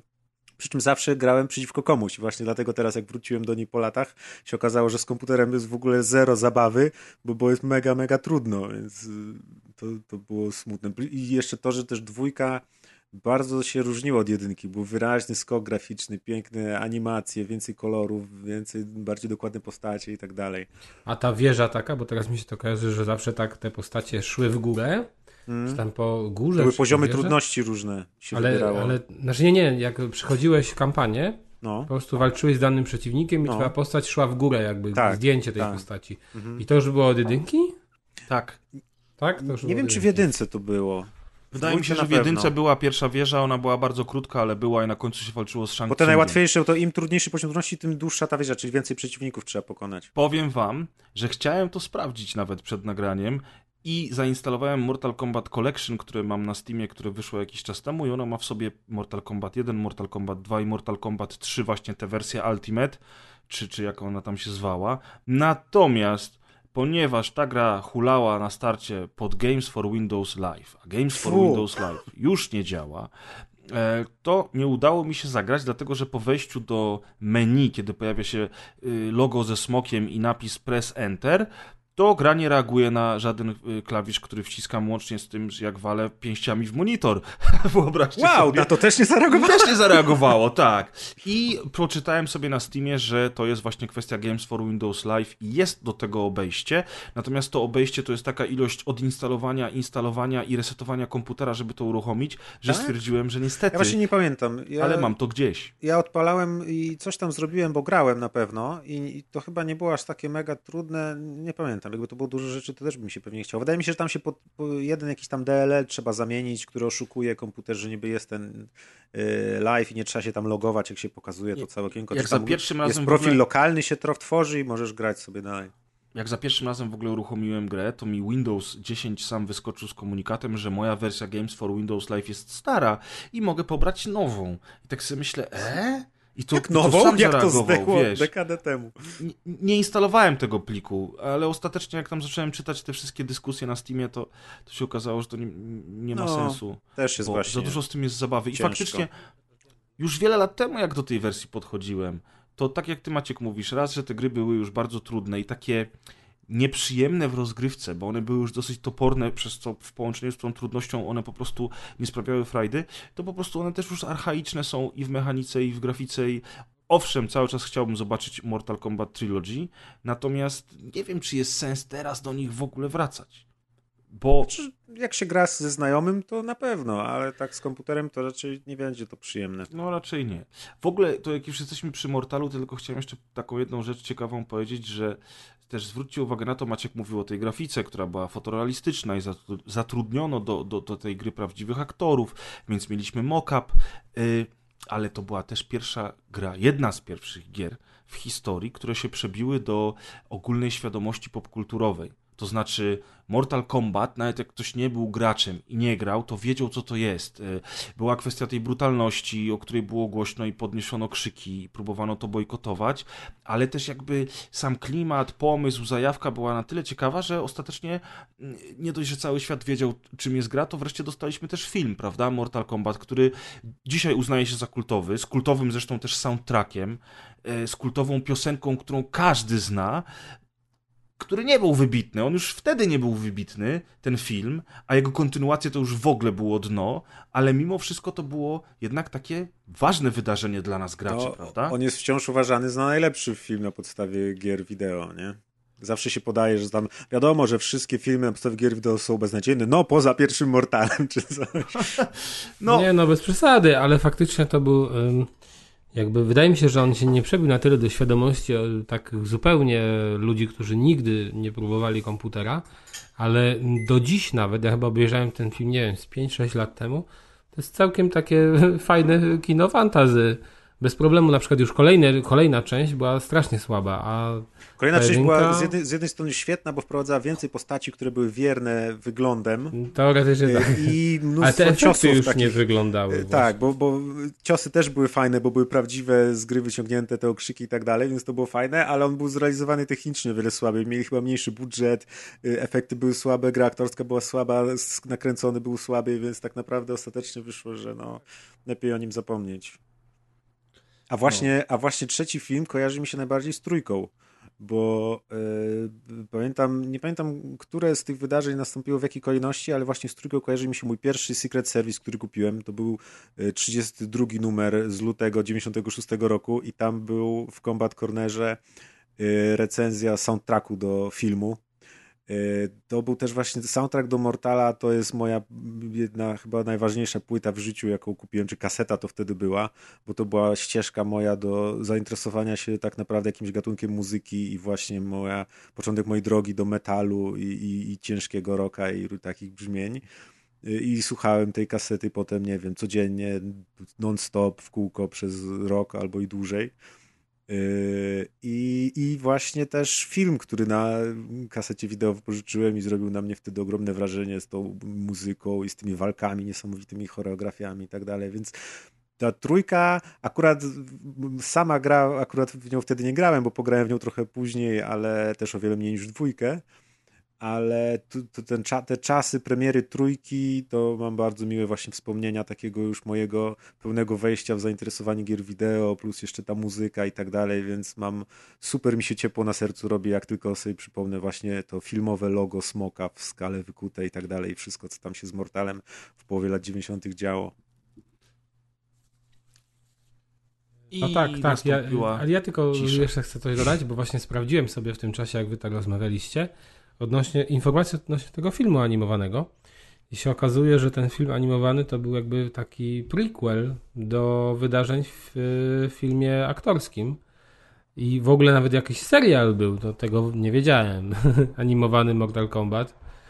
To Także. serial też nie kojarzę, był aktorski ten taki Mortal Kombat No Conquest, właśnie, ja to-. Tego, tego Tak, było tak, ten mnóstwo, był, tak, prawda. Na Nawet Polsacie komiksy leciał No właśnie. Conquest też leciał, na, też pamiętam, na Polsacie. Konkurs był w Polsce. Komiksów w Polsce nie było chyba, ale, ale właśnie z tych takich w Polsce dostępnych to jeszcze serial leciał. Ale on już, mi się ten serial kompletnie nie podobał, bo tam nie było żadnych postaci, wprowadzili to jakieś No nowe właśnie, tak samo i jak-. Co to jest za Mortal To są Kombat? takie czasy dzieciństwa, kiedy nie masz dostępu do informacji, to dokładnie pamiętam, bo na przykład właśnie to był jeden z takich ym, dla mnie z takich y, momentów, kiedy nagle coś widzę i widzę Mortal Kombat, jestem na, podjarany i kompletnie nie wiem, co jest grane oglądając ten Jakiś serial. koleś w spodniach, nie, Tak. biega, co I to mówię, jest? oszukali mnie, nie? Polscy decydenci, złodzieje. Że A nazwę to po tyle prostu dobra dali. było, widzisz. Tak. Z, To za podobnie- granicą. Ja podobnie, powiem wam, miałem też z Dragon Ballem, bo ten Dragon Ball jakoś trochę się przebijał do świadomości takiego dziecka, jeszcze zanim w ogóle zaczęła ta seria u nas lecieć, to kojarzyłem, że tam był, wiecie, taki napakowany gość z żółtymi włosami i że tam oni się tam cały czas bili, że ja miałem to w głowie. I nagle odpalam na RTL 7, pojawia się Dragon Ball kreskówka i patrzę, a tu jest jakiś mały gość z ogonkiem i o co chodzi w ogóle? I przez pewien czas, no po prostu myślałem, że to jest jakaś ściema i że to nie jest w ogóle ta sama seria. Dopóki się nie okazało, że jednak ona w pewnym momencie zmienia nazwę na Dragon Ball Z i pojawia się ten Son Goku dorosły. Ach, Także to to. Straszne czasy były, że my nie mieliśmy dostępu do informacji i wszystkie takie... No tylko się czytało w Manga Corner w Secret Service właśnie. Tak, Jezus, ale Nie wiem, coś. czy na pewno kojarzycie teraz taki film jak Rocky 5. Ja, jak byłem mały, to miałem dostęp do tych kaset wideo, które były transportowane maluchem i które gość sprzedawał, takie pirackie kasety, jeszcze kiedy nie było tej ustawy antypirackiej. I po prostu miałem te serie Rocky, jedynkę, dwójkę, trójkę, czwórkę. I po prostu nigdy nie widziałem, żeby istniała jakaś piątka. A, bo piątka to jest ta, co on trenował tego Tommy Tak, Gana, tak, tak, coś. tak, tak. I ja w ogóle o tym nie wiedziałem. I ktoś mi tam chyba jakiś wujek uświadomił, że no, że jest jakaś piątka. Mówię, no niemożliwe, no nie. I teraz on mi mówił, że jest, ja byłem pewien, że nie ma, bo tego nie miałem i nigdy... I wojna się- na noże. Tak, jak się gościa w maluchu pytałem, czy ma pan Rockiego 5, a on kręcił głową, że nie ma Rockiego 5, no to nie ma Rockiego 5. Straszne to było. Żadnych takich informacji nie było dostępnych jakby dla takiego dziecka. Teraz chodzisz sobie do internetu i sprawdzasz i wiesz, co jest I grane, wiesz, co kiedy wychodzi. No z jednej strony to jest no właśnie smutne, że też takie czasy minęły, bo to miało swój urok w pewien sposób. No. A jeszcze mi się przypomniało a propos tych kontrowersji, co tam Pref wspominał, to przecież dzięki Mortalom mamy cały ten system klasyfikacji gier e, ESRB. No w USA Bo- w ogóle to był przecież mega problem. Nie? Tak, tym bo, bo wtedy to były tam dramaty, jakieś tam w ogóle reagowali rodzice, jakiś pewnie kongres, czy to tam w Stanach się tym bym zaczęło zajmować. Nie był taki pewien, czy to tylko Mortal Kombat. Pamiętaj, że przed Mortalem był Wolfenstein, był Doom, e, potem się jeszcze Mm, pojawił ale- Carmageddon. No to raczej... To Carmageddon był potem już, yy, Tak, bo to było w Carmageddon był 94 bodajże, czy jakoś Yy, po drugim Mortalu. Wolfenstein nie wywołał chyba takiej burzy, bardziej już Doom. Wolfenstein był za mało, znaczy Doom był z potworami, więc nie był straszny, a Wolfenstein był jeszcze słaby graficznie, a tutaj miałeś ten, ja pamiętam, bo to jakiś tam dokument oglądałem na YouTubie Mortalowy i właśnie było, że to Mortal Kombat był głównym tym, co, co przeważyło y, cza, czarę, czy tam szale i, i, i właśnie dzięki temu Mortalowi mamy te wszystkie tam e, Ale też- e, te M ale- oznaczenia. Zgódźmy się, ale po, powiedzmy sobie, nigdy więcej nie mów, że Doom był słaby graficznie. Sam jesteś słaby graficznie. Mama mi mówiła, że jestem ładny. To był przełom. Doom był słaby graficznie i potem Ale jeszcze jedna słuchają. rzecz jest związana z Mortalem, taka popkulturowa, nierealistyczny był, która y, mocno się wybiła na jego popularności. To jest ten mob dance, flash dance, że goście wychodzą przebrani i zaczynają tańczyć na ulicy. To przecież te filmiki powstawały zanim jeszcze YouTube był, gdzie goście przebrani za właśnie postacie z Mortal Kombat wychodzą i robią jakby no, włączają muzykę z filmu i zaczynają tańczyć na ulicach Stanów Zjednoczonych. taki, o. Taki flashmob, o, o. A to nie kojarzę. No ten zgniły zachód. To To wszystko właśnie, zgniły zachód. ale, ale to rzeczy. też jakby jest kolejna rzecz, którą ja kojarzę z Mortal Kombat, bo stąd y, dopiero ta nazwa znała, dla, Mhm. znaczy dla mnie y, stała się znana i nie widziałem nigdy wcześniej takiej akcji, a tutaj mm, takie coś, no. Ja potem byłem sprawa. bardzo smutny, jak Mortal przyszedł na PS2 i wychodziły tam chyba trzy części. Ja Było nie miałem tam było wtedy Deadly PS2. Alliance, Tak. Armageddon. Było mi tak smutno, że mogłem sobie tylko oglądać w PSX Extreme Screeny z tych gier, a nie miałem Mortal Kombat vs DC Universe też był bardzo dobry. Zresztą twórca e, Mortal Kombat e, był fanem komiksów e, i on Aha, zawsze chciał robić komiksy. tworzył. To, No tak, bo I dlatego to, to, to, to, że mu da, udało mu się w ogóle doprowadzić do takiego crossovera. Zresztą dlatego teraz mamy też Injustice, te serie, które są przez nich tworzone. Tak. No właśnie, właśnie. przez to, że on zawsze kochał komiksy i, i chciał je tworzyć. Znaczy przez i... niego, nie? Bo ci twórcy oryginalni tam w pewnym momencie chyba przestali razem współpracować i tylko jeden z nich y, tworzy tę serię dalej i właśnie to DC tak samo, nie? Ten, co jest w tym Neverland. Ed Boon teraz jest. Ed Tak, Boon, bo tak. już nie to ma on- Tobiasa i tego. Tak, tam tak. Ich- A to też jest śmieszne, że wtedy pierwszego Mortala zrobiło tam, nie wiem, pewnie ile, z pięć osób czy coś. Nie, nie nawet i mniej chyba ich było. Programista, grafik i muzyk. No i że oni sobie robili jaja właśnie z tymi wszystkimi nazwami postaci. Ach, z to jakimiś- jest, to jest w ogóle To też też. niesamowite, jak właśnie, jak, jak się człowiek zagłębi w czytanie tego, jak się te postacie w Mortalu nazywały, to nie wiem, może o innych grach nie słyszałem, ale nie słyszałem żadnych innych przypadków, gdzie właśnie było tak dużo tworzonych postaci na podstawie plotek, które gracze rozsiewali, bo na przykład ktoś kiedyś zobaczył w automacie, jak się resetował, Tego że było napisane, jakiegoś e, e, e, kolejnego nie, ko- kojarzę Ermaka, że było Aha. napisane Ermak i wśród graczy powstała teoria, że jest jakaś postać ukryta, która się nazywa Ermak, a Ermak to było w BIOSie oznaczenie tam error maximum czy coś, jakaś funkcja tam z, z silnika gry, ale powstała plotka, że istnieje Ermak i potem ten Ermak się naprawdę pojawił jako czerwony ninja kolejny i takich postaci było mnóstwo, czy jakieś tam Właśnie zielony błędy. ninja jakiś był. Nie, zielony to Też. był Reptile, on był ukry, ukrytą postacią, ale to Aha, aha. właśnie też, no, ta seria się tak charakteryzuje tym, że jest mnóstwo właśnie, tu, tu jakaś ukryta postać, która potem się pojawia naprawdę, potem z jakichś plotek się rodzą jedna postać, druga, przecież Rain, który jest purpurowy, czyli Purple Rain od y, Prince'a piosenki, no po prostu, No jak się przecież gdzieś tam w Wikipedii za, zagłębiłem, to mnóstwo takich Jest, easter jest. eggów jest w tej serii. najbardziej znany jest Noob Saibot, czyli No Tobias Tak, Boone tak, no po właśnie, prostu, od- nie? od nazwiska, nie? Ale to jest e, super sprawa, że to też taka e, scena dodatkowa, nie? Że oni sobie robili sami jaja i potrafili e, też z graczy sobie żartować. No. Wykorzystywali feedback e, dosłownie. Także super, super e, sprawa, nie? Dlatego ta seria jest pewnie tak uznana i tak ważna dla rozwoju No i ciekawe, że, że, że, radzi sobie do dziś świetnie, mimo tego, że miała dłuższą przerwę i tam, tam ta era PS3 to tylko jedną odsłonę właśnie zobaczyła. I No był to tak, no przecież ta dziewiątka, 9. o której mówiłeś, to, to, to właśnie był taki powrót, że wszyscy wow, wraca w końcu Tak. Mortal, bo jednak te z PS2 to mimo wszystko nie zostały tak Właśnie ciepło przyjęte. Tam się pojawiały te takie dziwne postacie. Właśnie ja w czwórkę grałem na PC i już tam te jakieś Quan Chi, te inne takie. No w czwórce w ogóle można było przedmiotami rzucać. Czy tam nin, ten ninja niewidomy, czy coś. Jak to się już zaczęło pojawiać, to ja już stwierdziłem, że e, już trochę za dużo. I potem jak już czytałem tylko, że w tych tam Mortalach na PS2 to już prawie nie ma tej oryginalnej obsady, myślę, co to za Mortale, łe. Znaczy Quan Chi i ten niewidomy ninja to jeszcze jakby się tak kojarzą właściwie jakby byli częścią tej starej ekipy, ale faktycznie oni nie są częścią starej ekipy, yy, chociaż w tym remasterze czy tam reboocie, czyli Mortal Kombat 9 Quan Chi odgrywa jedną z głównych ról, zresztą on w ogóle odgrywa jedną z głównych ról No później. tak, bo tam E, wysokie stanowisko ma.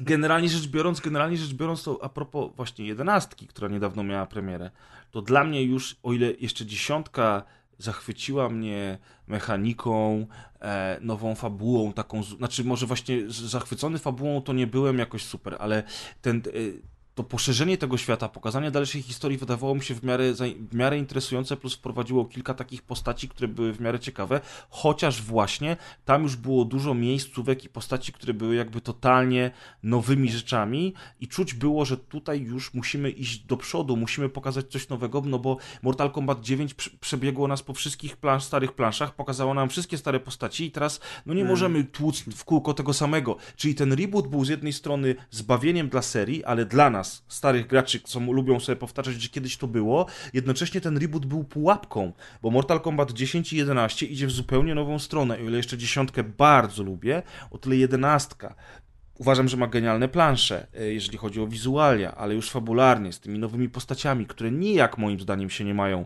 do klimatu w ogóle Mortal Kombat, idzie w taką stronę, która mi zupełnie nie odpowiada. Mówiliśmy o tym zresztą na rozgrywce już, więc No. nie, musimy Znaczy się nie, no ja sądzę, że to są właśnie takie momenty, że w sumie jakbyśmy spojrzeli na tę serię, ja akurat mówię, grałem tyle co nic w dziewiątkę, ale słyszałem o tym, czytałem o tym dużo, że to jest w sumie taki hołd dla tych starych mortali. System walki jest bardzo podobny, no, jest dużo analogii do tych starych gier. I podobnie było ze Street Fighterem. Wyszła czwórka, wszyscy zaczęli się zachwycać, że wow, powrót serii, jest świetnie. Wyszła piątka, już, już jest zgrzytanie zębów i faktycznie już jakby trochę się ten materiał przejadł. I mam wrażenie, że Mortale znowu się przejadają i pewnie znowu nastąpi, być może nastąpi taka, taka przerwa dłuższa, aż za parę lat technologia pozwoli na jeszcze lepsze efekty i zobaczymy kolejny powrót do serii i znowu będą się gracze zachwycać, że wow, nie graliśmy przez to, w to przez 5-6 lat i nagle mamy znowu ten powrót do korzeni, tego oczekujemy.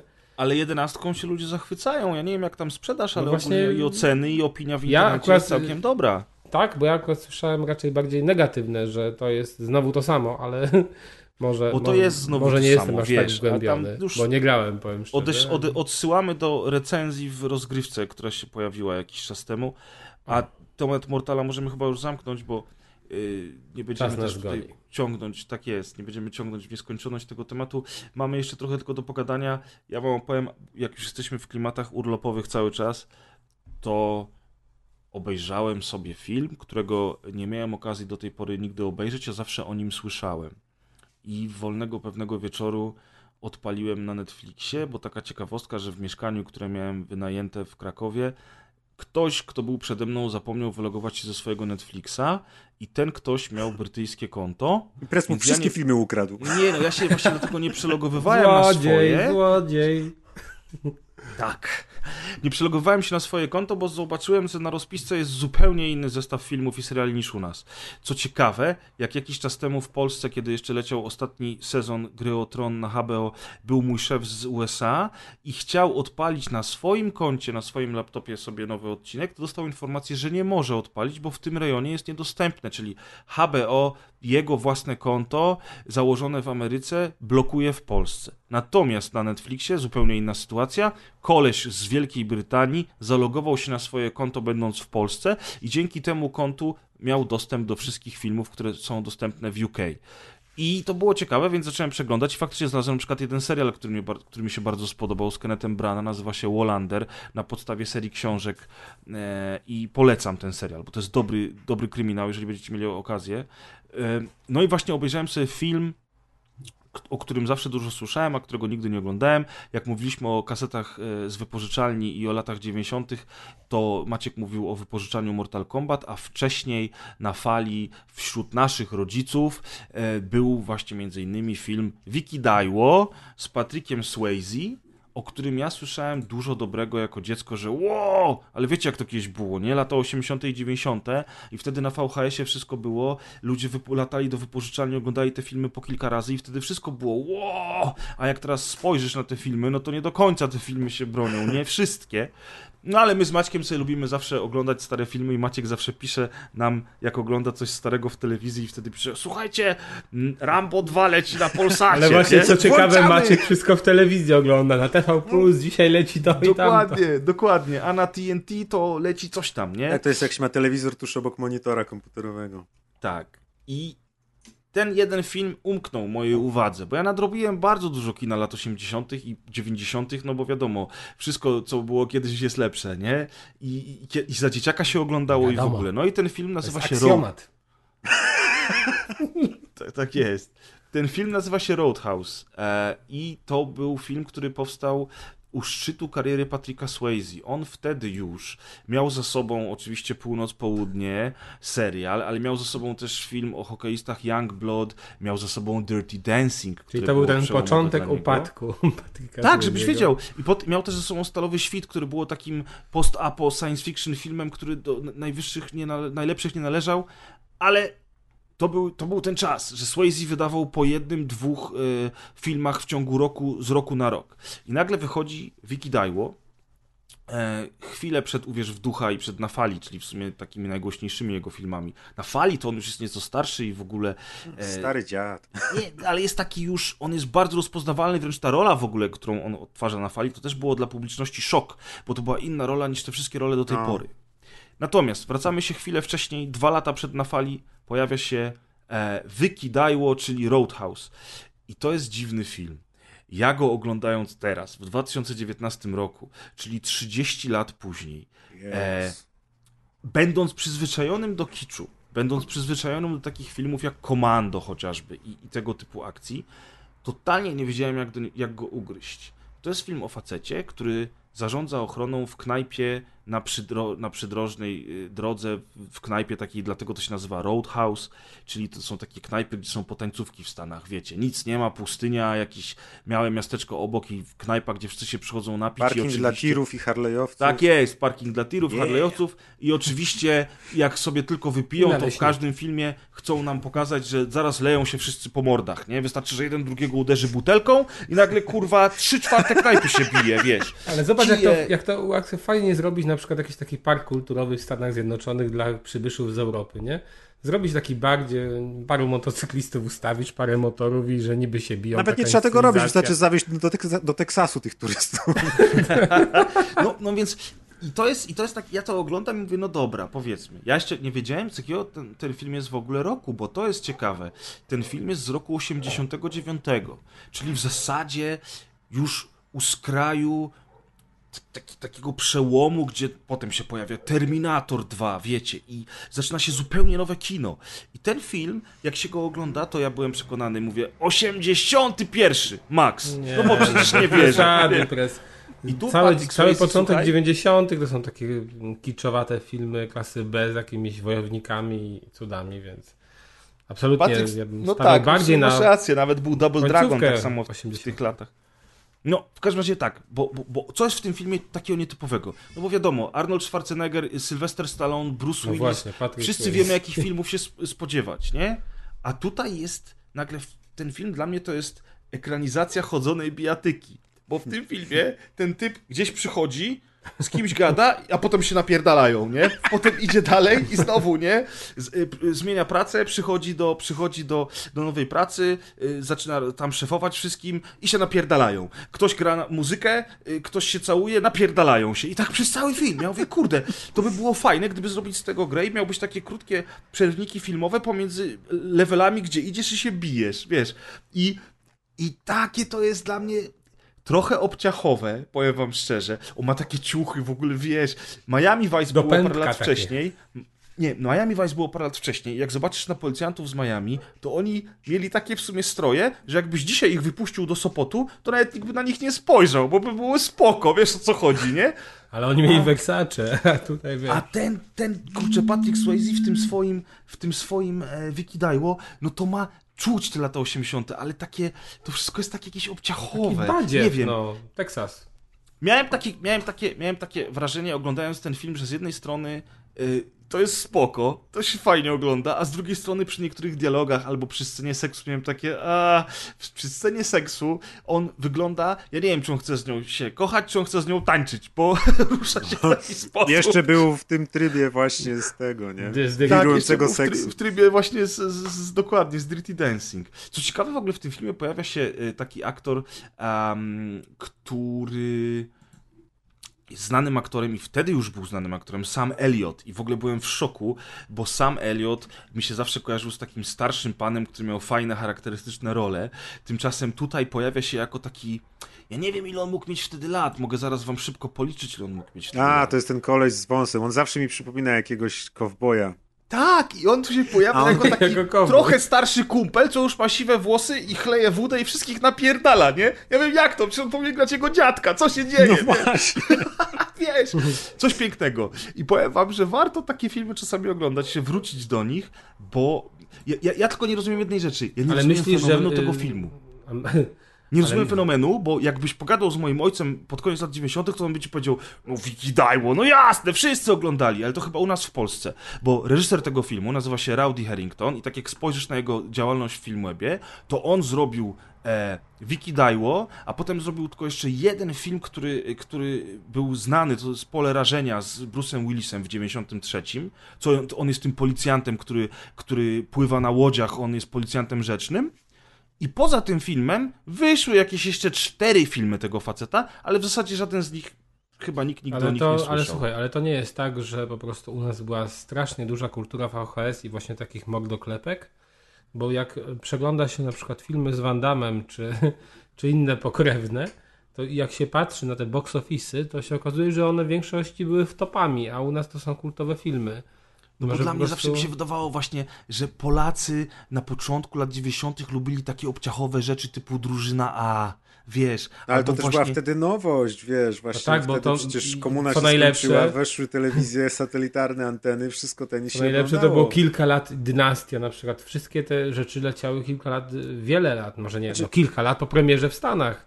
I A tak to rozumiem, ale te- zobacz, było mnóstwo materiałów, a u nas faktycznie była drużyna A w każdym domu o 17, y, krwawy Sport, o, najlepszy film ever! I wiesz, i właśnie, jest całkiem spoko. No.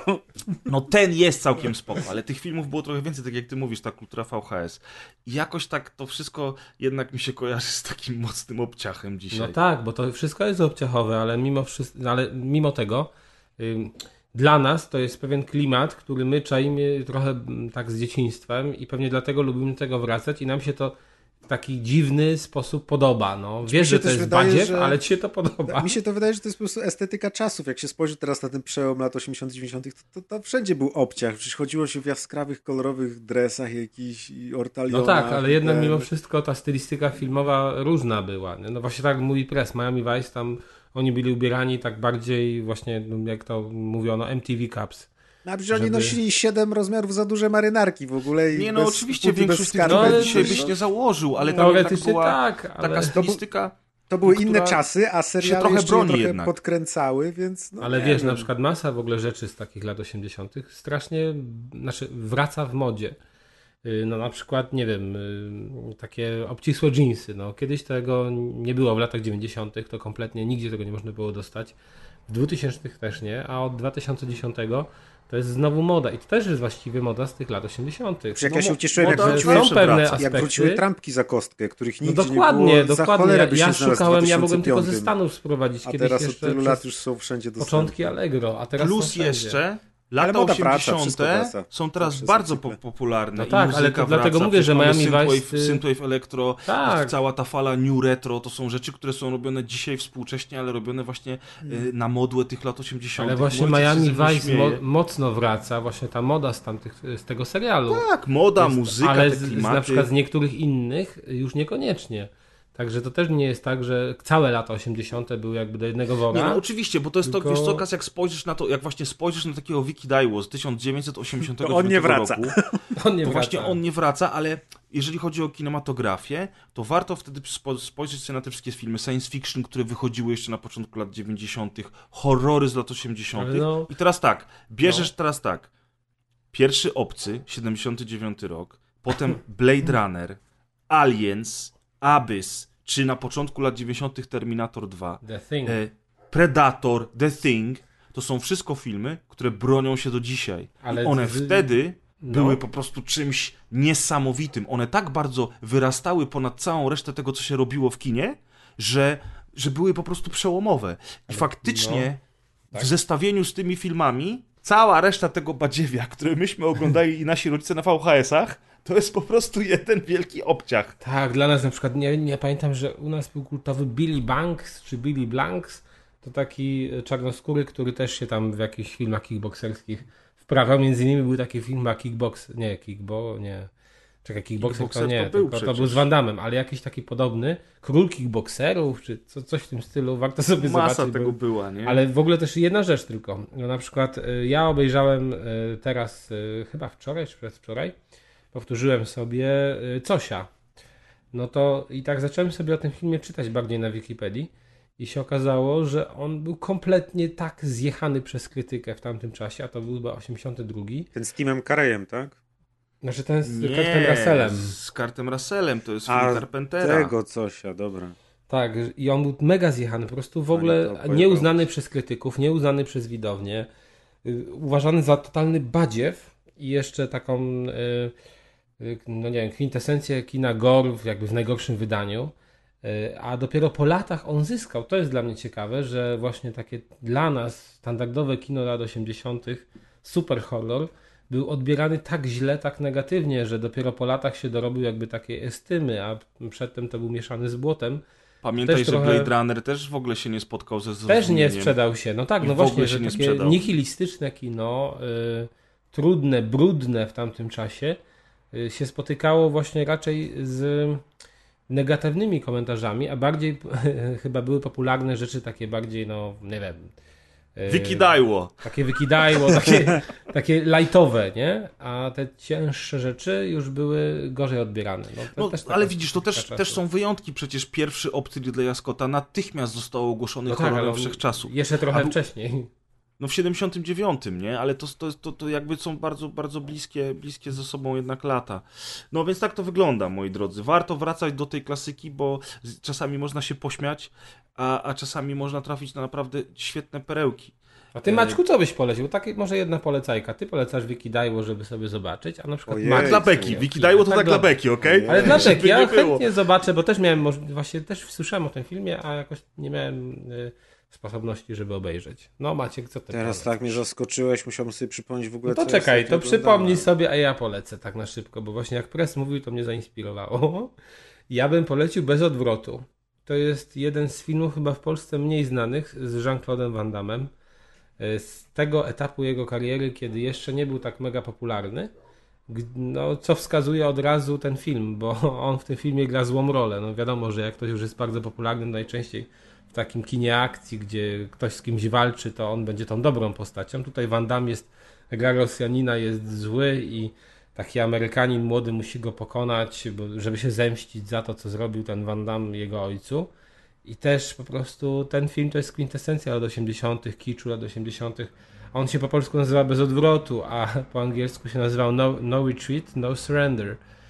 I to jest tak piękne, że kiedyś nawet te tytuły filmów były wykorzystywane w filmie. Tam jest na przykład taka scena, że ten główny bohater się bije z tym Van Damme i jeden z jego kolegów krzyczy, kiedy oczywiście Van Damme sprawia łomot temu głównemu bohaterowi, krzyczy do głównego bohatera, że no retreat, no surrender. I on wtedy, wiecie, zyskuje taką siłę jak Son Goku, nie? I zaczyna napierdalać Van Damme, aż ten już nie wie, co się dzieje. Więc no, piękny film, piękne czasy. W ogóle ym, to akurat bez takiej kozery. Bardzo dobra, bardzo dobry motyw przewodni muzyczny. Warto sobie warto się z nim zapoznać. Dla mnie to jeden z takich, wiecie, takich klasyków treningowych. Trochę jak Rocky. Także ja polecam właśnie, bo mniej znany akurat sądzę w, y, tutaj u nas, a całkiem ciekawy. I też kiczowaty. Jest jest, nawet bo to Bruce, jest duch jakaś- Bruce'a Lee tam się pojawia. Normalnie wiecie, jakiegoś Chińczyka wzięli który jest duchem Bruce'a Lee, tego ciekawy. młodego bohatera, tam ćwiczy. Oglądałeś może pres? Nie, ale Czy właśnie nie? tak patrzę sobie teraz na niego w Google'ach i widzę, że to jest 86 rok, kiedy Van Damme dopiero stawiał pierwsze kroki. Ciekawe, że go wybrano do właśnie roli tutaj antagonisty, e, bo w 86 powstawał Predator pierwszy i on miał premierę w 87 roku. I generalnie rzecz biorąc Van Damme grał w pierwszym Miał, pierwszych, tak właśnie, miał coś tam chyba miesiącach czy tam tygodniach. tak. gra, on grał Predatora. I on był tak mało znanym aktorem, że on miał kostium takiej różowej krewetki, bo właśnie Predator wyglądał na początku strasznie źle. I zatrudnili Van Damma, żeby w tym kostiumie biegał. I dopiero jak zaczęli pierwsze ujęcia robić, kręcić to, to stwierdzili, że nie, totalnie to nie wchodzi w grę. Van Damma zwolniono, a strój Predatora wrócił, że tak powiem, na deskę kreślarską i chwała wszystkim za to, bo otrzymaliśmy finalny produkt, który stał się produktem kultowym. I to jest ciekawe, bo na YouTubie nawet można znaleźć nagrania, na których widać, jak właśnie Van Damme się w ten kostium ubiera, jak on tam jakieś pierwsze ciosy robi, coś tam, coś tam. I to jest fajne, że patrzysz na te początki, y, wiesz, znanych aktorów, no znanych, nieznanych, dzisiaj w dzisiejszych czasach Van Damme to już tak naprawdę jest, że tak powiem, e, troszeczkę zapomniany, ale, ale właśnie, że taki film widzisz, jest. Ja o nim nie słyszałem, chętnie go obejrzę. Faktycznie Tak, macie no. rację, tych bijatyk wtedy to było dużo, ja po prostu nigdy nie oglądałem bijatyk. To były czasy. Kiedyś to było. bijatyk. No. Tak myślałem, że jak się we trzech spotkamy, to będziemy dużo wspominać o starych czasach, jak to kiedyś było. No to Słuchaj, ja wygrzebałem też film stary. Tak, No, dajesz. Zastanawiając się, co tu mogę starego polecić i przejrzałem sobie jakąś listę filmów i ja w takim razie jeszcze się załapuję, bo z 89 roku Willow. O, też O, bardzo tak. dobry. Willow to jest y, obok Władcy Pierścieni, a nawet czasami się wyda wydaje mi, że nawet nad Władcą Pierścieni mój ulubiony film fantazy. Skąd oni tych, tych niziołków wzięli, nie, do tego filmu? No, ogłoszenie gdzieś dalej, ale właśnie bez internetu, jakich zebrali wszystkich, nie? Może Adek będzie wiedział. ale po prostu Willow jest dla mnie filmem magicznym, jest y, muzyka. Pamiętam, pamiętam jak byłem mały, nie wiem, który to mógł być, ja mogłem jeszcze być albo w podstawówce, albo nawet może jeszcze nie i gdzieś widziałem na jakiejś tam zagranicznej właśnie kablówce, jak to się kiedyś miało, y, jakiś materiał stworzenia tego, był gdzieś w wiadomościach puszczony czy coś, jakoś tak przypadkiem. I po prostu jaki to we mnie szok wywołało, kiedy ja zobaczyłem. Chyba, to chyba był taki pierwszy właśnie film fantazy, jaki w życiu widziałem na tej zajawce na małym telewizorku CRT i pamiętam, że już wtedy mi się to mega spodobało i wiedziałem, że kiedyś muszę to obejrzeć. I jak pamiętam jak to oglądałem, to robił nie, niesamowite wrażenie i oglądałem go nawet y, nie wiem, chyba w zeszłym roku i, i wciąż mi się mega podoba. Może to z sentymentu, ale, ale jest świetny. I po, oglądałem go właśnie porównując z Władcą Pierścieni, którym akurat mi się ekranizacja Władcy mega podoba. Hobbit już tam trochę mniej. To, to czasami jak oglądam Willow, to myślę, nie, Willow jest lepszy jednak. Ja Willow nie oglądałem od, od dziecka. Pamiętam, że za dzieciaka się to oglądało w kółko. Taka ciekawostka, że Willowa grał Warwick Davis, aktor, który grał um, między innymi w Powrocie Jedi jednego z głównych Ewoków. I on zresztą w, w Star Warsach się przewijał od zawsze. On był bardzo młodym chłopakiem, jak, jak występował w tej pierwszej trylogii Star Warsów. E, I słyszałem jakieś ploty, że generalnie rzecz biorąc, Willow mógłby wrócić w postaci serialu. Tak, Wiecie, teraz wszystko wraca, nie? Było parę, tak, od kilku lat się pojawiają informacje. I- Był, jakiś projekt, gdzie oni, razem, gdzie oni razem właśnie z tym, z, Boże, ten co Matt Martigana grał. Teraz mam dziurę w mózgu. Val Kilmer. Val Kilmer, o Val dokładnie. Kilmer, tak, tak. Świetna rola tam. Więc z to Valem Kilmerem nawet z nagry... pierwszych Vala Kilmera, nie? Takich yy, To były takie znanych. już lata, kiedy on z- z- robił karierę, kiedy już był rozpoznawalny i ten film na pewno wybił go jeszcze bardziej, potem było tylko lepiej. Niestety Val Kilmer teraz jest po y, raku krtani i generalnie rzecz biorąc bardzo źle wygląda, dużo lepiej niż jeszcze, nie wiem, dwa lata temu, ale, ale jak występował w jednym filmie kryminalnym ostatnio, to y, inny aktor musiał podkładać mu głos, bo on ledwo mówi O, podobno. kurde. E, chociaż w Top Gun 2 ma wystąpić. Niestety Val Kilmer y, na starsze lata dostał strasznie po dupie. Ale słuchajcie, Ale- jak już mówimy o Willow, to jak spojrzysz na lata 80., Willow to jest 88, a jeszcze było tak. Legenda w 85, Labirynt w 86. O, Labirynt, tyle się na tym filmie, o tym filmie nasłuchałem. Tam gra ta młoda e, Jennifer... Connelly. Tak, Jennifer O, Connelly, Jennifer dokładnie. Connelly jest super, ale obejrzałem ten Labirynt pierwszy raz w życiu ze 2-3 lata temu, to się wynudziłem strasznie. Ja byłem Ale to jest też taka fantastyka chyba, ale nie kończąca się opowieść. Tak, mi się nie? to bardziej z czymś takim kojarzy. No tak, bo to taka baśniowa są. bardziej. Taka, No i jeszcze jest w 82 roku film Ciemny Kryształ, który teraz O. pojawił się u nas na Netflixie i który dostaje chyba w e, sierpniu, o ile mnie pamięć nie myli, kontynuację w postaci serialu. serialu. Serial Także- i, i jakąś tam gierkę wideo. Ciemny Te- Kryształ też robił niesamowite wrażenie. To był cały film robiony na kukiełkach, Tak. ale był och, fenomenalnie. Ja go chyba oglądałem, może jeszcze za mały byłem, jak go oglądałem, bo nic z niego prawie nie pamiętam, ale pamiętam jak podróżowali na tych takich biegających stworach i potem też gdzieś widziałem jakieś na zagranicznych kablówkach materiały z tego, jak to było kręcone, że to faceci na szczudłach chodzili i mieli na sobie te lalki czy coś. To było No i to. Frank Oz i Jim Henson robili, nie? Czyli, czyli właśnie ludzie od lalek. No. Generalnie rzecz biorąc, to, to jak widać nie tylko moda wraca, filmy też wracają, wiecie. Bo Było to jest właśnie trochę. wszystko żerowanie na nostalgii naszej i na tych, co pamiętają, co to jest ciemny kryształ albo coś. Ale No, jedna była taka tak rzecz, nie. która wyróżniała te filmy i która jednak e, mimo wszystko do dziś robi robotę, przynajmniej w tych takich, które wyszły dobrze i są do dziś wspominane, to jednak ta technologia, bo, mim, bo wiecie, no, dzisiaj mamy wszystko w CGI, wtedy trzeba było sobie radzić inaczej. Jak ja właśnie obejrzałem chociażby tego coś, a to ja jestem zafascynowany tym, jak oni mogli takie coś stworzyć, że to tak realistycznie wyglądało. Zresztą właśnie nawet te, te głupie mapety, powiedzmy Jima Hensona, te żółwie ninja, które powstały w 90 roku. O, ja uwielbiam no, te żółwie. wyglądały super, one miały super No. klimat, one naprawdę Ci, ci, świetnie taci, wyglądały. turtle power, ci, ci, tak szło, nie? Ta piosenka. Miałem na kasecie cały soundtrack. Ale Jakiś jest- pan rapował w ogóle w teledysku i żółwie no, skakały. Nie jakiś pan, tylko Vanilla Ice. Nie, Vanilla Ice, czarnoskóry pan był. E tam, a pa pamiętacie Mar Ma Marka Wahlberga? No raczej Marku- Marki Marka, no ostatnio Ma- nawet film z nim oglądałem, przecież on No cały właśnie, czas ale- kręci filmy. Ale nie, ale samo Ale to, wtedy był Marki on był Markiem, teraz jest raperem, Markiem Marki. Mark. Tak, no on był Marki Markiem, Marki Mark and the Funky Bunch, on jest młodszym bratem jednego z kolesi z New Tak Kids on the. Block. To jest w O, ogóle to masakra. Donnie Wahlberg. Donnie Wahlberg był jednym z członków New Kids on the Block i Donnie Wahlberg e, tworzył muzykę i on swojego młodszego brata wypromował, e, pomógł mu rozkręcić to wszystko i powstał Marki Mark, a potem z Marki Marka zrobił się Mark Wahlberg aktor. No, To jest piękne. To tak. podobnie było z Willem Smithem właśnie. Nie wiem, czy wiecie, ale na Netflixie pojawił się Bayer w Belery. Wow. Słyszałem, słyszałem. Po prostu, ja obejrzałem sobie ostatnie trzy odcinki, jakoś chyba dwa dni temu się pojawił.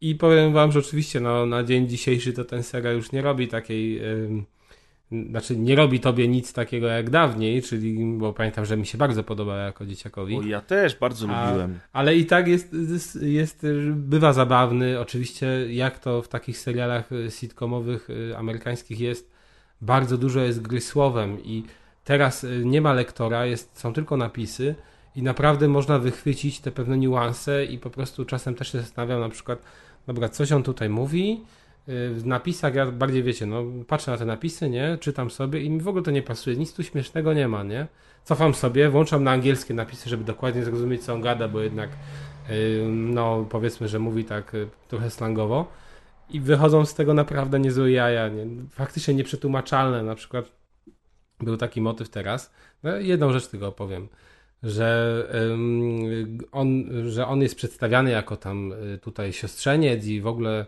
y, w takiej rodzinie dobrej i są goście, którzy ukończyli dobre uniwersytety. No i ten wujek mówi o nim, że no on też będzie planował prawdopodobnie zdawać na ten jakiś dobry uniwersytet.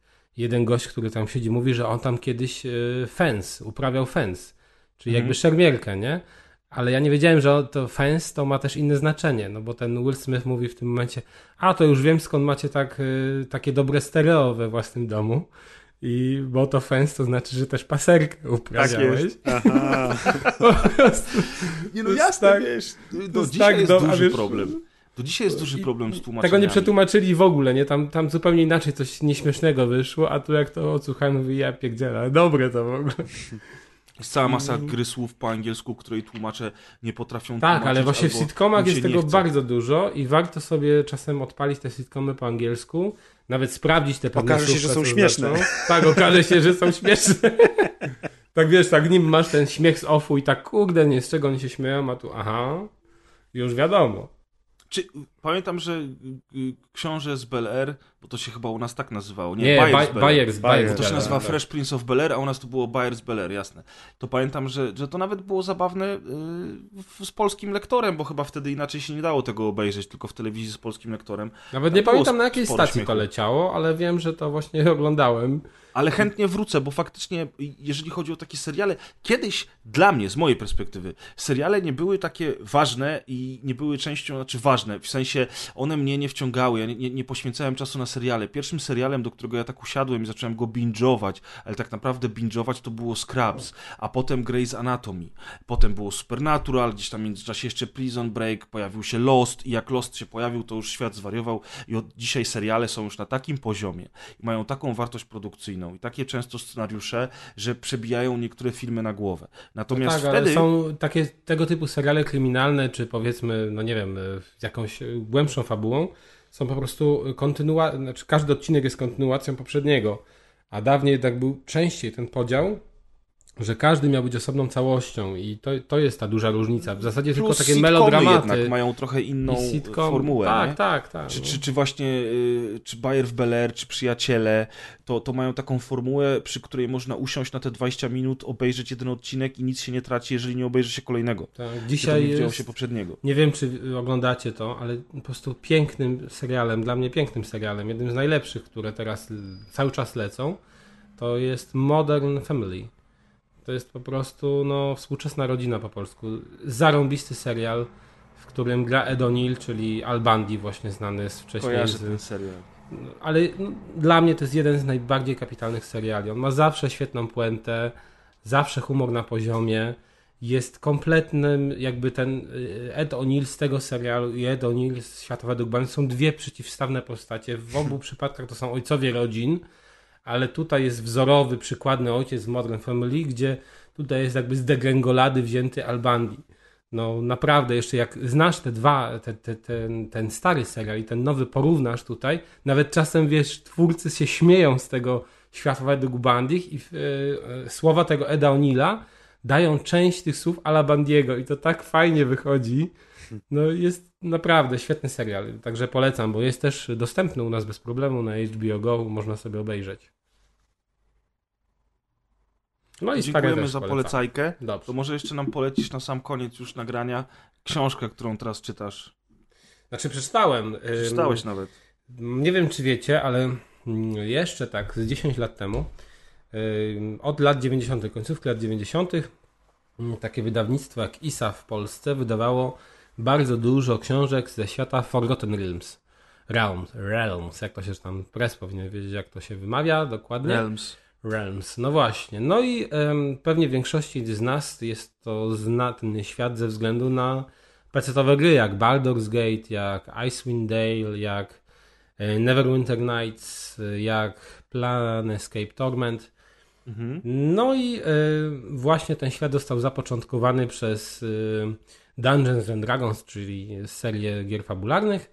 Następnie trzeba było zrobić dla niej specjalną otoczkę, no i zatrudniono różnych twórców do produkcji książek na ten temat i jednym z tych twórców był Robert, Robert chyba Robert A. Salvatore i on właśnie stworzył trylogię Icewind Dale, czyli trylogię Doliny Lodowego Wichru.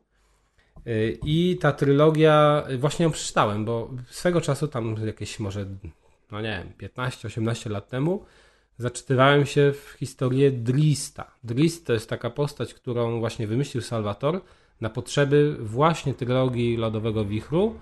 E, później kontynuował jej historię, zrobił prequele, które stały się bardzo popularne, a później kolejne sequele tej trylogii Lodowego Wichru. Ja czytałem właśnie pierwszą z tych, pierwszą chronologicznie część, czyli trylogię Mrocznego Elfa te lata temu, a teraz postanowiłem się zmierzyć z tym Icewind Dale, czyli y, sagą, która została wydana początkowo, ale fabularnie ona przedstawia późniejsze losy właśnie Drista. Drist to jest mroczny elf, który wychodzi na powierzchnię i który zaczyna, stara się egzystować jakoś z ludźmi z tej Doliny Lodowego Wichru. On jest nielubiany, no bo wiecie, bo ciemnoskórzy są generalnie nielubiani, nie? Wśród y, białych. I tak samo jest w tej krainie. Dosłownie to jest, wiecie, to jest tak jeden do jeden, nie? Że tutaj on ciemny tutaj spod ziemi wychodzi, nikt go nie lubi, bo oni są źli, umorusany.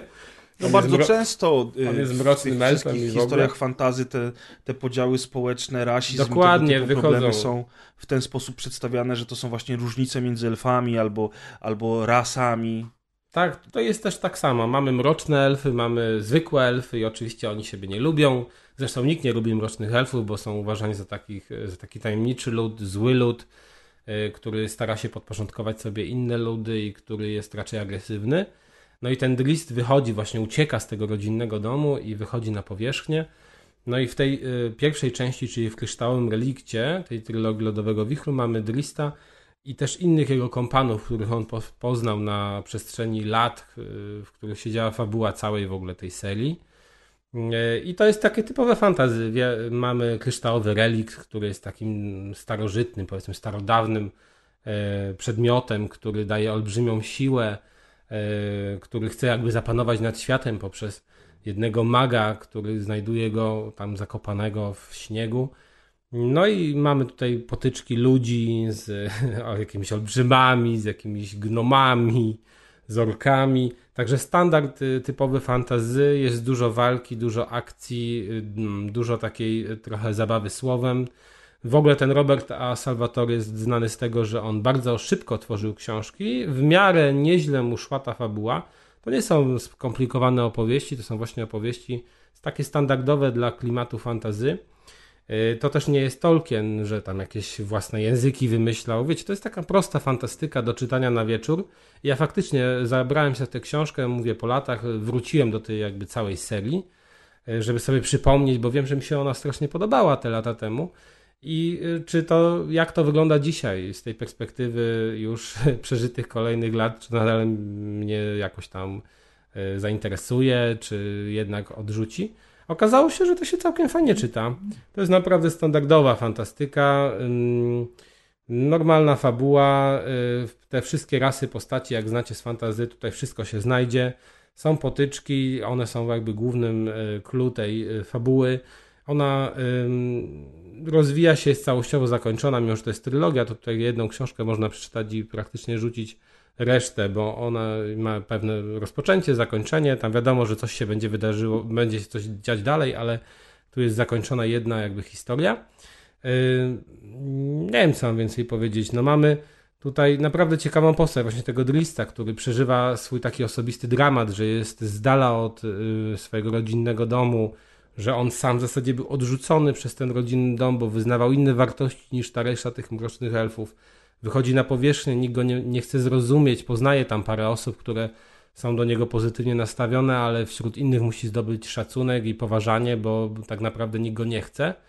Mm, e, jeżeli ktoś w ogóle kiedyś grał w Icewind Dale, chyba w Icewind Dale nie było tej postaci, ale w Baldur's Gate ona się pojawiała, e, to może ją pamiętać, więc może dlatego hmm. się zainteresować, bo jest tam faktycznie ten Drist. W ogóle jako NPC gdzieś? Czy ten? Tak, tak, w ogóle czytałem, że pierwszym Baldurze było tak, że można było tego Drista spotkać gdzieś po drodze. On był bardzo taką wymagającą postacią, można było z nim walczyć. I co ciekawe, jeżeli się z nim walczyło i na przykład go się pokonało i zdobyło się jego przedmioty i później w drugiej części zaimportowało się swoją postać z jedynki i znowu spotkałeś tego Drista, to na przykład od razu był do ciebie negatywnie nastawiony, bo wiedział, że masz te jego przedmioty jakby w tej części pierwszej i to jest takie fajne, bo naprawdę to jest, wiecie, no to jest duży lore, więc ludzie zastanawiają się y, jak te losy tej postaci się potoczyły i właśnie było dużo takich rozkmin, jak to wyglądało w Baldur's Gate, dlaczego w Icewind Dale nie ma tej postaci, ona w zasadzie chyba już się narodziła, ale jeszcze nie zdążyła tam y, w te, w te rejony zawędrować w tej grze. Y, jak ktoś lubi ten Dungeons and Dragons, to na pewno powinien się zapoznać z tymi, z tymi fabułami, bo one później stały się podstawą też kolejnych serii gier, nie? Tych fabularnych. Jakby całe settingi były oparte o to, co wymyślił ten pisarz. Więc y, nie wiem, czy wyczytaliście kiedykolwiek y, coś z tej serii, nie. ale ja nie? nie? O, a to było strasznie popularne. Pamiętam, że co chodziłem na przykład, nie wiem, do Empiku w 2003, 2003 w 2002, no, to widziałem pełno. Książek w cholerę było właśnie Forgotten Realms. Yy, no już wtedy miałem dziewczynę. Fantazy. No, no tak. jest... Nie, ale jeżeli tak mówimy na poważnie, to. Ale te, teraz to... nie masz, to moje sięglo. Karma wraca, dziwko. nie spodziewałeś nie, To teraz sobie poczytam, tak. W każdym razie, co ja chciałem powiedzieć, że jeżeli chodzi o. Mm, tego typu książki wokołogrowe, bo to nie jest nowość, że Forgotten Realms ma, ma, ma, ma całe lore i właśnie masę książek, takiego właśnie Expanded Universe, tak samo Warhammer Fantasy, Warhammer 40 tysięcy. Tak, i to wszystko się wzięło zanim były gry, to jest Tak, tak, właśnie, to właśnie, masz to było do, do roleplayów, to było, do roleplayów. Nie? No. To było pisane, do, pisane historie ja właśnie do też, gier papierowych RPG. Jak teraz wpisałem sobie Forgotten Realms i covers, czyli okładki w obrazkach, to kojarzę tutaj mnóstwo okładek z tego, co gdzieś widziałem za granicą właśnie w magazynach roleplayowych. Tak, bo to coś. takie jakby Konany ala. No, te, piękne ilustracje te okładki. I kojarzę je ze starych, dobrych czasów. W każdym razie właśnie w moim przypadku to jednak nigdy nie były książki, które mnie jakoś ciągnęły. Raz, że tego było po prostu od groma a dwa, że jakoś no, nie czułem potrzeby poszerzania te, tych światów growych, tak samo jak teraz widzę te wszystkie książki typu Assassin's Creed czy coś. Zazwyczaj te książki też po prostu są bardzo kiepskiej jakości. No to tak, ale to tak, są książki rozwijające świat gier y, wideo. No bo jeśli ksi mamy... książka jedzie na, na fejmie znanej serii, no to może być słaba, nie? no tak, tylko że masz, wiesz, ma, macie na przykład często serię książki, książek, która jest oparta na przykład na fabule gry i on rozwija, ale ona jest oparta na postaciach wymyślonych w tej danej serii. A tutaj mamy no tak. do czynienia z czymś, y, czego nie było, bo tu cały setting jakby Dungeons and Dragons to są po prostu no po prostu setting i postacie to jest mhm. to, co tworzą gracze. A gość sobie wymyślił y, swoje postacie, swoją jakby krainę w tym, tak, no. takim ogólnym świecie zapomnianych krain. Przecież można było nowe światy wprowadzać. Także to jest jakby też y, w dużej mierze jego praca nie odtwórcza, ale twórcza. I to jest y, jakby coś innego niż gra na podstawie, nie wiem, znaczy niż książka, nie wiem, na podstawie filmu Batman i Robin. A takie książki o, też były. Ale jest też, jest też ale dużo, były, jest naprawdę. Też dużo książek, które poszerzają uniwersa growe, wprowadzając nowe postaci, wprowadzając nowe wydarzenia, nowe wątki. Oczywiście to się często przeplata z tymi e, historiami, które znamy gier, albo je, z gier, albo je uzupełnia, więc to nie jest tak, że to jest, wiesz, że to jest odtwórcze. Na przykład je, e, ja przeczytałem, jeżeli chodzi o mhm. książki growe, to przeczytałem serię Gears of War e, i byłem bardzo zaskoczony, dlatego, że nie dość, że to było naprawdę nieźle napisane, to do tego w fenomenalny wręcz sposób uzupełniało moją wiedzę na temat świata z gier. E, i jakby czytane na zmianę z grami, e, przeplatane ze sobą, tworzy jedną wielką, spójną wizję całej historii, którą dzięki temu poznałem. Teraz Tylko, jedno tak pytanie, czy nie wykupi tego Disney na przykład nie usunie z kanonu? I wtedy już nie będziesz miał... Nawet, na nawet nie zaczynajmy, nawet nie zaczynajmy. Nie denerwuj go na noc. Nie denerwuj mnie na koniec odcinka. No, ale to słuchaj, no dziękujemy za polecajkę. Mam nadzieję, że, że, że kilka osób dzięki tobie Przypomnij sięgnie. jeszcze raz, jak się nazywało? Jak to się nazywało? Kryształowy relikt, trylogia y, Doliny Lodowego Wichru, część pierwsza. I faktycznie warto, jeżeli ktoś by chciał y, się z tym zapoznać, to musi się spieszyć, bo to wydawnictwo, tak w zasadzie jak spojrzałem, to ostatnią książkę to chyba wydało, mm, no nie wiem, dobre 5-6 lat temu. Ja kupiłem sobie egzemplarz na Allegro i jeszcze widziałem, że on jest chyba wydany w 2005-2006 roku, więc pewnie to są ostatki, które można dostać na naszym rynku. Także warto się spieszyć. Ja szczerze boleję, że nie ma żadnej gry, czy nie ma filmu, który by opowiadał o tej postaci tego mrocznego elfa, bo to jest naprawdę ciekawa, dosyć skomplikowana historia. To by się nie, nada- chętnie- nie nadawało na grę pewnie. Były plany, znaczy nie, były plany w ogóle filmowe, takie naprawdę poważne, ale no na razie się nic e, nie udało. Może Val. Kilmer miał go grać, ale za nie mógł. Tak, ale już, już jest za stary, żeby grać. Byle Nie go chciał nie się umorusać. Henry Cavill i będzie dobrze. Nie chciał się na czarno umorusać po prostu. No właśnie, zobaczymy co będzie z tym nowym Wiedźminem, póki co się pojawiły pierwsze, pierwsze fotki właśnie Kevilla, nie? Jako Pojawiły Wiedźmina. się pierwsze fotki Cavilla, e, pojawiła się e, Yennefer, pojawiła się Ciri. Zbliżenia na medaliki i takie tam na medaliki, Jest dewocjonalia. nowe logo, fajnie, że pokazali w ogóle od razu jakieś Nowe jakieś logo arty. dla nikogo tak, i tak dalej. Zobaczymy, co z tego wyjdzie. Będziemy wtedy narzekać albo chwalić, Nagramy wtedy odcinek specjalnie kolejny. albo nie. To będzie druga część tego Zależy, podcastu. zależy zależy, jak będzie kiepski wtedy. ten serial Maciek, bo jak Oj, będzie oj, oj. bardzo kiepski, to nie nagramy odcinka specjalnego. Tak jak mieliśmy ograć, od, nagrać odcinek specjalny o zakończeniu gry o tron i w, osadze w ogóle, ale... Nagrajcie, nagrajcie, super, No, fajnie. Podobno. Znaczy nie, wiesz, ja, ja sagę to, to uwielbiałem i jest bardzo dużo dobrego mam do powiedzenia, natomiast ten ostatni sezon to tak rozbił ludzi na tych, co bardzo chcieli sobie wmówić, że to było fajne i na tych, którzy jednak stwierdzili, że nie. To jak E, ostatni Jedi. Dokładnie tak, czyli i tak my mamy rację, oni nie. I tak w sumie to, w sumie to już chyba Znaczy wszystko mnie jedna, jedna rzecz tylko w tej całej kwestii zastanawia. Co na to George Martin? Czy on tak sobie to przyjął na klatę i mówi, no Będzie dobra, robić grę no, z From Software i tyle. w sumie zjebali, ale ja zrobię swoje. Tak, to Czy, już... czy na przykład mam wyjebane, już jestem na Emie i nie będę On nic mówił- więcej robił. Wyjebane to już ma od lat przecież. Co to znaczy na Emie, że Po jest? emeryturze. Aha, Emma. A, No bo on w sumie pieniędzy, jest na emeryturze. On cały czas niby pisze, ale już pisze z 10 nudów lat pisze, chyba ten. no. On wydał część. jakieś książki od tego 2011 roku, jak zaczął lecieć serial na HBO, to on wydał jakąś książkę, która opowiada losy rodu Targaryenów, wydał zbiór opowiadań, który mówi o jaju Targaryenie, e, wydał jakąś książkę dla dzieci. Jak to już pisze o jaju Targaryeny, to musi być źle. Nie, nie, nie, to jest taka postać dosyć ważna w, w całym lore, No nie, zresztą, no żartuję. której, której jakby losy się dzieją krótko przed samą sagą. E, w każdym Czyli razie... Nie ma pomysłu, jak to zakończyć. No, Czy chyba on na wychodzi, początku bo... powiedział, że twórcy serialu znają zakończenie i że on się z nimi umówił, że y, nieważne co się będzie działo w trakcie sezonów, to finał ma być dokładnie taki sam, jak on sobie wymarzył, bo mówi, że gdyby on zmarł zanim skończą produkcję serialu, to chciałby, żeby ten finał był taki, a nie inny i pod tym jakby... E, po... Ciekawe, czy dzisiaj tak samo myśli. No to słuchaj, on pod tym warunkiem jakoby zgodził się w ogóle na ekranizację swoich książek. Natomiast w tym roku, nagle ni stąd, ni zowąd, George Martin powiedział, że e, zakończenie sagi w serialu różni się od jego zakończenia. I jego książka będzie inna. Więc nie wiem, słuchajcie, to są już takie rzeczy zakulisowe, On- on sam chyba nie marketingowe. Pieniądze, nie pieniądze. Ja podejrzewam, że on tych książek w ogóle nigdy nie napisze tak naprawdę, a jeżeli napisze, to Serialu napiszą nie oglądał. napiszą to copywriterzy.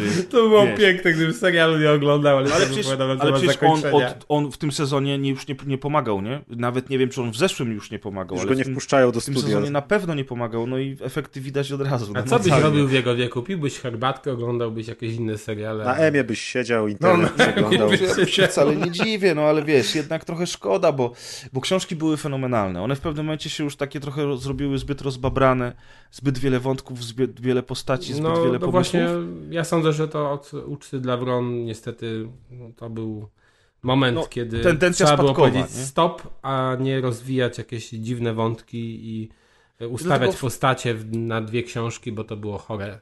I przez to w ogóle ta uczta Wron jest dla mnie strasznie słabym e, epizodem całej e, historii i ja na tym skończyłem w sumie czytanie, bo mnie tak to już wynudziło. No taniec smoków jest trochę gorszy, dlatego że taniec Trochę gorszy? smoków, tak, dlatego O. że tam się jest cała masa wątków, które są rozpoczynane, ciągną się zupełnie niepotrzebnie. Są też dobre motywy, ale, ale powiem ci, że, że, że, ten, że ten taniec ze smokami, czy taniec smoków, whatever, e, on, on już jest taki jeszcze bardziej rozbabrany i tak właśnie już widać, że, że troszeczkę za dużo pomysłów naraz. Niestety. No tak, no ale za to pieniążki. popłynęły. Ciekawostka jest taka, że faktycznie z mojej perspektywy, na, może były takie inne tego typu sytuacje w popkulturze, ale z mojej perspektywy Jak na pierwsze... Poznaniaka to doceniam, że pieniążki popłynęły. To najważniejsze. Może iść na, na koncert z Tak, Doru z dokładnie, z plecakiem. plecakiem może iść, dokładnie. W każdym razie, w każdym razie y, z mojej perspektywy było ciekawe to, że fajnie e, się obserwowało moment, w którym przestały istnieć już kolejne historie z książki i serial wyprzedził te książki, więc po kilku latach oglądania takiego na zasadzie łe, zrobili inaczej, albo e, wiem zaraz co się stanie, to, to doszedłem do momentu, w którym było takie, o kurczę, on przeżył czy nie przeżył, a co teraz będzie? Wow, w ogóle nie wiem, ale jestem ciekawy. I to było trochę fajne, to było całkiem niezłe doświadczenie, dlatego że ta cała saga pieśni, Mhm. pieśni lodu i ognia Lodu i ognia. była taką historią, która naprawdę mnie wciągnęła. No, finał jaki był, wszyscy wiemy, nie ma co teraz A kopać tak, y, leżąc. Ja nie tak- wiem, ja nie wiem. Ja nie wiem, zaraz się zaspoilerujemy, ale tak na koniec, jak chciałem was się zapytać właśnie, bo tutaj o tym tak wyszło przypadkiem, ale mnie zastanawia na przykład, jak to u was jest z czytaniem właśnie takich serii, czy oglądaniem seriali, które wychodzą, no nie wiem, że dwa na przykład lata mija od kolejnego sezonu, albo książka wychodzi po pięciu, sześciu latach. Ja powiem wam szczerze, że ja tak czytam książkę i po trzech miesiącach to ja już nie, nie pamiętałbym niektórych bohaterów. To zależy Więc od książki, to zależy od historii. Są Dla mnie ogromny których- problem, żeby czytać taką na przykład sagę dzisiaj. Jak on wyda kolejną część i teraz ją zacząć czytać, ja kompletnie już nie wiem, co tam To było w chyba tej dla poprzedniej. każdego. No, po tylu latach to na pewno. To Ja czyli teraz co miałem- robicie? Czytacie ponownie? Czasami Ja nie tak, czytam. czasami... Ty w ogóle nie w ogóle czytasz. nie czyta. Ale on też nie umie czytać, więc Od problem czasu lektur. Natomiast, nie wiesz co, czasami jest tak, że czasami jest tak, że na przykład przeczytam sobie skrót. E, albo odświeżę sobie właśnie w rozmowie z kimś. Zazwyczaj, jeżeli chodzi o książki, to, to, to nie ma takich dużych przerw między tymi wydawnictwami. Oj, Czasami no ale- się do czegoś wróci. Ja na przykład teraz mam problem, bo wyszedł po d- 13 latach od zakończenia produkcji serialu. Wyszedł film Deadwood HBO, który wieńczy całą opowieść, która w tym serialu była opowiedziana. I ten serial się skończył na cliffhangerze i już wtedy HBO powiedziało, że my na pewno dokończymy tę historię, na pewno nie zostawimy was z ręką w nocniku. Jak Rzeczywiście Martin. Ale minęło, minęło 13 lat, wiesz, i tam tych sezonów jest raptem 4, więc da się to odświeżyć, ale to są dosyć długie sezony i ja teraz y, y, już miesiąc ponad minął od premiery tego filmu, filmu, na który ja czekałem 13 lat i nie, oglo- nie oglądam go, bo czekam cały czas, aż będę miał moment, żeby usiąść i ten serial nadrobić, bo jeżeli go nie nadrobię, Jest. to ja totalnie nie będę wiedział, c- kto jest To, co ma, mało tego, no nie wiem, czy wiecie, jest na przykład chociażby u nas w Polsce wydawana taka seria mang, która się nazywa Oh My Goddess, y, czyli o moje boginie, powiedzmy. Y, I ona chyba była zawieszona na 12 lat. I to zawieszenie było tam, nie wiem, na 30 którymś tomie. I tak wyobrażacie sobie na przykład, jak wiecie, seria jest zawieszona, nie wiem, po 12-13 latach wraca i teraz goście to kupują i czytają, to nie wiem, czy oni jeszcze raz musieli czytać te poprzednie, te kilka Oni już teraz mają dziewczyny, tomów, tak. niektórzy mają dzieci, już są normalni. Ale boginki nie mają, a tutaj boginki występują, więc mogą Wiesz, czytać dalej. Dlatego, To jest dla mnie tak zastanawiające, bo ja powiem szczerze, chyba nie potrafiłbym wrócić do serii i ją jeszcze raz przeczytać, jeżeli ona jest tak obszerna, czy obejrzeć serial składający się, nie wiem, ze 100 odcinków, żeby przypomnieć sobie, co się działo. A z kolei jak zacznę to oglądać na nowo po tych wielu latach, to ja już nic nie wiem, co jest grane. No, no, no niestety, wiesz, dlatego właśnie nie wiem, jak jest w przypadku książek. E, szczerze mówiąc, nie, nie, nie znam takiej sytuacji, ale jeżeli chodzi o komiksy, gry komputerowe, seriale czy nawet filmy, to bardzo często masz właśnie te wszystkie rebooty, jak chociażby Mortal Kombat, No czy tak, tak. remake'i serii, restarty, wiesz, tak samo jak Star Treki te robione przez J.J. Abramsa, z jednej strony były rebootem, ale z drugiej strony jakoś tam nawiązywały do starych części, a inni robią takie Tak. cacka jak na przykład Terminator Genesis, tfu, No, wiesz, to było piękne, byłem w kinie. To, to właśnie. cudowna część, najlepsza. To jest ten wtedy problem, musiałeś tak? się poczuć okradziony dopiero. Jak wtedy się, po- nie, jak wtedy się chciałem rzucać kolą w ekran, to... to Ale zobaczcie, problem, nie? teraz to w takim razie odkryłem genialny lek. Zamiast tworzyć rebooty serii, bo ludzie nie pamiętają co było, to powinna powstać instytucja y, takich y, skrótowców, tak jak były te bryki do y, książek, tych lektur, nie? Albo takie skróty z konferencji na przykład na E3.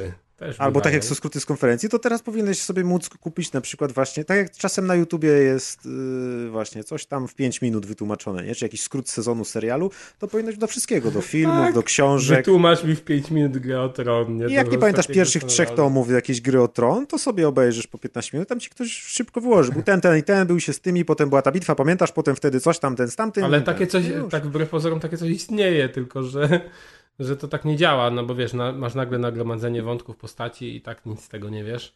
To To, znaczy, to jest dla mnie zawsze duży problem, żeby wrócić właśnie do pewnych e, rzeczy po kilku latach czy po roku. I... Właśnie też dlatego coraz mniejszą ochotę mam na oglądanie seriali, bo tak jak za to Twin Peaks się zabrałem i było nieźle i pierwszy sezon był całkiem spoko, ale w drugim zamiast rozwiązywać zagadki zaczęli wprowadzać nowe wątki, które były mi kompletnie niepotrzebne, bo chciałem o zakończenie Jezus, ten drugi, Chciałem za- ten zakończenie drugi Twin poprzednich wątków, więc dlatego teraz też, jak myślę, że mam oglądać serial, gdzie y, są ci wikingowie, których tak od dawna chcę obejrzeć, bo mi się wizualnie bardzo podobają i lubię wikingów i tak dalej. No ale sobie myślę, no zaczną ci wikingowie, poznam głównych bohaterów, potem poznam ich znajomych, potem poznam jakieś side questy, potem zaczną mi wprowadzać kolejne rzeczy, kolejne, kolejne, i myślę, a to ja sobie w jakieś dwie godziny jeden film obejrzę i będę mieć z głowy.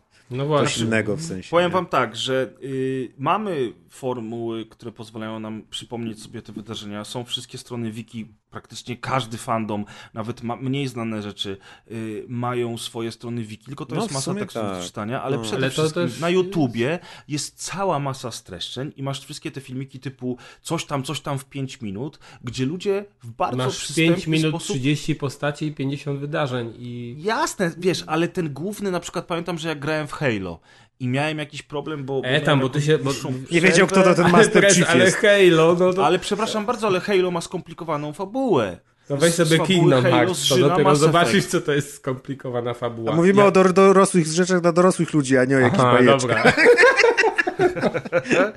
No dobra, wiesz, po, ja już przypodałem ci przykład Halo, bo akurat pamiętam, że chyba miałem dużą przerwę między trójką a czwórką i musiałem sobie przypomnieć, co, co tam się działo. Y, Ale są te, tego typu materiały o filmach, o grach, o serialach. Ja w sumie Jak dawno nie szukałem. bardzo, Kiedy, kiedyś czegoś szukałem, to nie mogłem znaleźć. Może teraz już jest więcej. Znaczy tak. nie, tego jest Masa więcej, naprawdę, jest. ale no wiesz, na przykład jak ja, taki prosty przykład y, gry właśnie, Jakuzy. Ja pamiętam, że w Jakuzę pierwszą grałem, później w drugą nie grałem, w trzecią grałem po latach i chciałem sobie odświeżyć. Oczywiście oni tam zaimplementowali to, y, gratulacje i w ogóle godne polecenia i godne takiej pochwały, że zaimplementowali takie podsumowanie wydarzeń. No to ja po tym podsumowaniu i tak nic nie wiedziałem. Bo, bo tam było tyle wątków, że tego się nie dało ogarnąć przez na przykład 5 czy 6 minutowy filmik. I zacząłem szukać po internetach. No i po prostu, jak wiecie, jak chcesz rozkminić tak naprawdę, ale dlaczego ten to zrobił, ale o co tu chodziło, ja siedzia... zanim zacząłem grać w tę grę, to chyba siedziałem z 3 godziny czy 4 w internetach i szukałem informacji i w ogóle koncepcji, dlaczego tak się stało i tak dalej. I to naprawdę jest mega skomplikowane i są pewne treści, które ciężko tak ogarnąć y, w tak krótkim czasie na podsumowaniu. I właśnie to jest to, czego ja nie lubię y, w serialach czy w książkach, które się ciągną latami, bo ja później nie pamiętam, co się wydarzyło. I na przykład teraz Grę o Tron, y, tak y, y, obejrzałem pierwsze chyba dwa sezony, totalnie zarzuciłem tę fabułę i teraz dopiero przed tym ósmym, jeszcze za, jak on trwał chyba, zacząłem sobie powtarzać te wszystkie. I faktycznie byłem na bieżąco i wiedziałem tak naprawdę, co się zdarzyło od początku do końca. I, i, I wydaje mi się, że to był dobry pomysł, bo y, na przykład moja dziewczyna miała problem już z rozkminieniem, na przykład w ósmym sezonie, a ten to kto, czy w siódmym, a ten to co to zrobił, Bo już nie pamiętała po prostu, bo oglądała to tam rok czy dwa lata temu. Ale to w sumie dobrze tą mechanikę zapominania wykorzystali twórcy Lostów, że na początku natworzyli różną, dużo różnych ciekawych rzeczy, a potem stwierdzili, ej, to już leci tam, nie wiem, pięć czy sześć sezonów, oni zapomnieli o co wszystkim, o co tu chodziło Albo i jakie sami są twórcy powiązania. zapomnieli o co tak, chodziło. więc w sumie cokolwiek im nie powiemy na koniec, to będzie dobrze, bo i tak nie pamiętają, nie? O zapominaniu to twórcy gry o Tron też y, pięknie pamiętali, jak powiedzieli, "My- czemu Deny dała się złapać tej flocie tak, w, takim, w takiej sytuacji, a ona zapomniała o tej flocie. To ja A, wam okej. powiem taki Dzięki. spoiler z Cosia, co mnie teraz właśnie tak zaskoczył. Mówię, to w ogóle, no bo jakby cała ta fabuła jest super, no ten film ma klimat i tak dalej. No jak ktoś nie oglądał, to może wyłączyć. Jeżeli ktoś Ale- właśnie jeszcze nie widział, a ma ochotę, to teraz będzie spoiler, więc możemy się już Ale z wami prostu- pożegnać. Papa! No, Ja po prostu jestem y, zdziwiony, bo tam w pewnym momencie jest taka sytuacja, że mm, goście w bazie, w- gdzie jest kosmita, zastanawiają się, dla, mm, co dalej ten kosmita zrobi. No i teraz kto jest tym kosmitą? Trzeba go wykryć i jakby zlikwidować. A on w pewnym momencie w tym filmie wyłącza generator prądu. I jeden, jedna z postaci twierdzi, że no tak, no tak, no on wyłączył ten generator prądu y, po to, żebyśmy my wszyscy zamarzli, a on tu sobie przezimuje aż przyjdzie jakaś ekipa ratunkowa i jakby ten kosmita sobie jakby uzdrowi, zostanie uzdrowiony, bo on nie zginie w tym mrozie. I ja tak się zastanawiam przez y, tę resztę tego filmu, no to po jaką cholerę on tu siedział w tej, tej bazie? Przecież on mógł uciec sobie na tę Antarktykę i tam gdzieś sobie, nie wiem, do jakiejś ziemianki sobie wejść, uklepać sobie jakieś iglo i tyle. I tam Kasmu sobie po poznańsku plan wymyślił cały już. No nie, ale wiecie, czasem takie rzeczy właśnie tak mega... Ja w ogóle tego, tego nie zauważyłem wcześniej, jak oglądałem ten film, a teraz tego obe- obejrzałem, mówię, no ale dlaczego on tego Takie nie coś zrobił? potrafi kompletnie zepsuć film. Już nie pamiętam, co Tak, tam, jaki film oglądałem, ale coś pamiętam, że jak zacząłem tak analizować jakiś film i nie brać go tak y, na słowo, tylko tak się zastanawiać, to, to może tak zepsuć i takie błędy się znajduje, że potem to jest nie do odratowania już taki film. Dokładnie. No. no są takie momenty, ja, ja to prawda totalnie nie pamiętam tego momentu z filmu. Pamiętam za to finał bardzo dobrze. A... Ale wiesz o tym, że finał był nakręcony kilka razy i tam są jakieś alternatywy zakończenia i tak dalej. Tam są takie, znaczy nie, tam są takie motywy z tymi oczami, bo tam chodziło o to, że ta, że, że, się odbija osoba, coś która tam. jest tak, że osoba, która jest y, już opętana jakby przez tego kosmitę, no to właśnie jej się chyba nie odbija nic w oczach, czy świecą się te oczy, tam są jakieś kompletne, Można też na obejrzeć- Redditach poczytać. O... Tak, bo tam jest masa takich właśnie rozkmin, które są bardzo ciekawe. Znaczy tam było z oddechem też, że on nie oddycha, że mu para z ust nie leci, nie? Tak, tam na końcu w ogóle jak oni zostają we dwójkę, Mhm. Keith, David i Kurt Russell, to Kurt Russell podobno daje mu tą, w tej butelce whisky, którą mu daje do picia, podobno jest benzyna, Koktajl Mołotowa, tak. a nie whisky, a on to wypija i że to jest taka podpowiedź. No ale już powiedzieliśmy, że będą spoilery, natomiast jak już jesteśmy przy tym filmie, to y, jest prequel. Prequel Wiem. oczywiście jest dużo gorszy. Jest sequel gra. Dokładnie, i jest sequel gra. I ta gra była fenomenalna. Ja ją się mam bałem. na PlayStation 2. No fajna była. E, grałem w nią na PC kiedyś dawno temu na Piracie, natomiast jak kupiłem sobie ostatnio PlayStation 2 znowu, to kupuję w miarę możliwości gry, które lubiłem, które mi się podobały i które są na tę platformę. Między innymi kupiłem The Thing e, i mam nadzieję, że za jakiś czas uda mi się ograć tę grę i opowiedzieć wam nieco tutaj na nagraniu o ja tym. ją pamiętam, bo też nią grałem, nie ukończyłem, ale ona była taka naprawdę bardzo mocno fabularnie związana z filmem, bo chyba to było Tak. zaraz po wydarzeniach z filmu. Tak, bo ty byłeś tą ekipą ratunkową, która tam przyjechała zaraz po zakończeniu praktycznie Tak, filmu. ale ona była taka właśnie schizująca, to był dobry horror. Tam były świetne mechaniki growe w ogóle, bo tam Bo twoi... Dbać o temperaturę. Tak, twoi towarzysze byli w stanie się właśnie dać, złapać, zainfekować. Ty nie miałeś pewności, kto z nich może być już tym potworem. E, I tam różne rzeczy trzeba było robić, żeby właśnie zidentyfikować to i można było na przykład właśnie e, tego kogoś złapać, e, albo można było na przykład zabić kogoś, kto był niewinny, pamiętam. Generalnie to była dobra, naprawdę dobra gra. I na tym właśnie momencie chyba zakończymy nasz Tak. odcinek. Pierwszy odcinek dokładki rozgrywki E, Nie będziemy robić rozpisek, nie będziemy robić takich Bo rzeczy. Nie będziemy ma robić jak. intra ani blopersów. Bo jak widzicie, to jest taki właśnie luźny moment. No tak, ale to nie ma, nie ma sensu. Nie, ale ja I tak żartuję. dobiliśmy prawie do 2,5 godzin, więc znowu dużo dłużej niż planowaliśmy. Jak wam się taka forma spodoba, to na pewno będą inne, a jeżeli wam się nie spodoba, to i tak będziemy nagrywać. To trudno. Nam się dobrze gada. Także- wyjebane. Dziękujemy, tak jest. Dziękujemy ślicznie wszystkim za słuchanie. Dziękuję Wam za spotkanie. Dzisiaj y, byłem ja, czyli Prez, był też Razer i y, był Kaz. Y. Potem zobaczymy, kto będzie chciał, będzie wpadał. Tylko nie Adek, Adka nie zapraszamy, bo jest za młody. Deusz jest jeszcze młodszy chyba, czy tam porównywalnie. Taki żarcik na koniec. Dzięki, trzymajcie się i do następnego. Cześć. Cześć.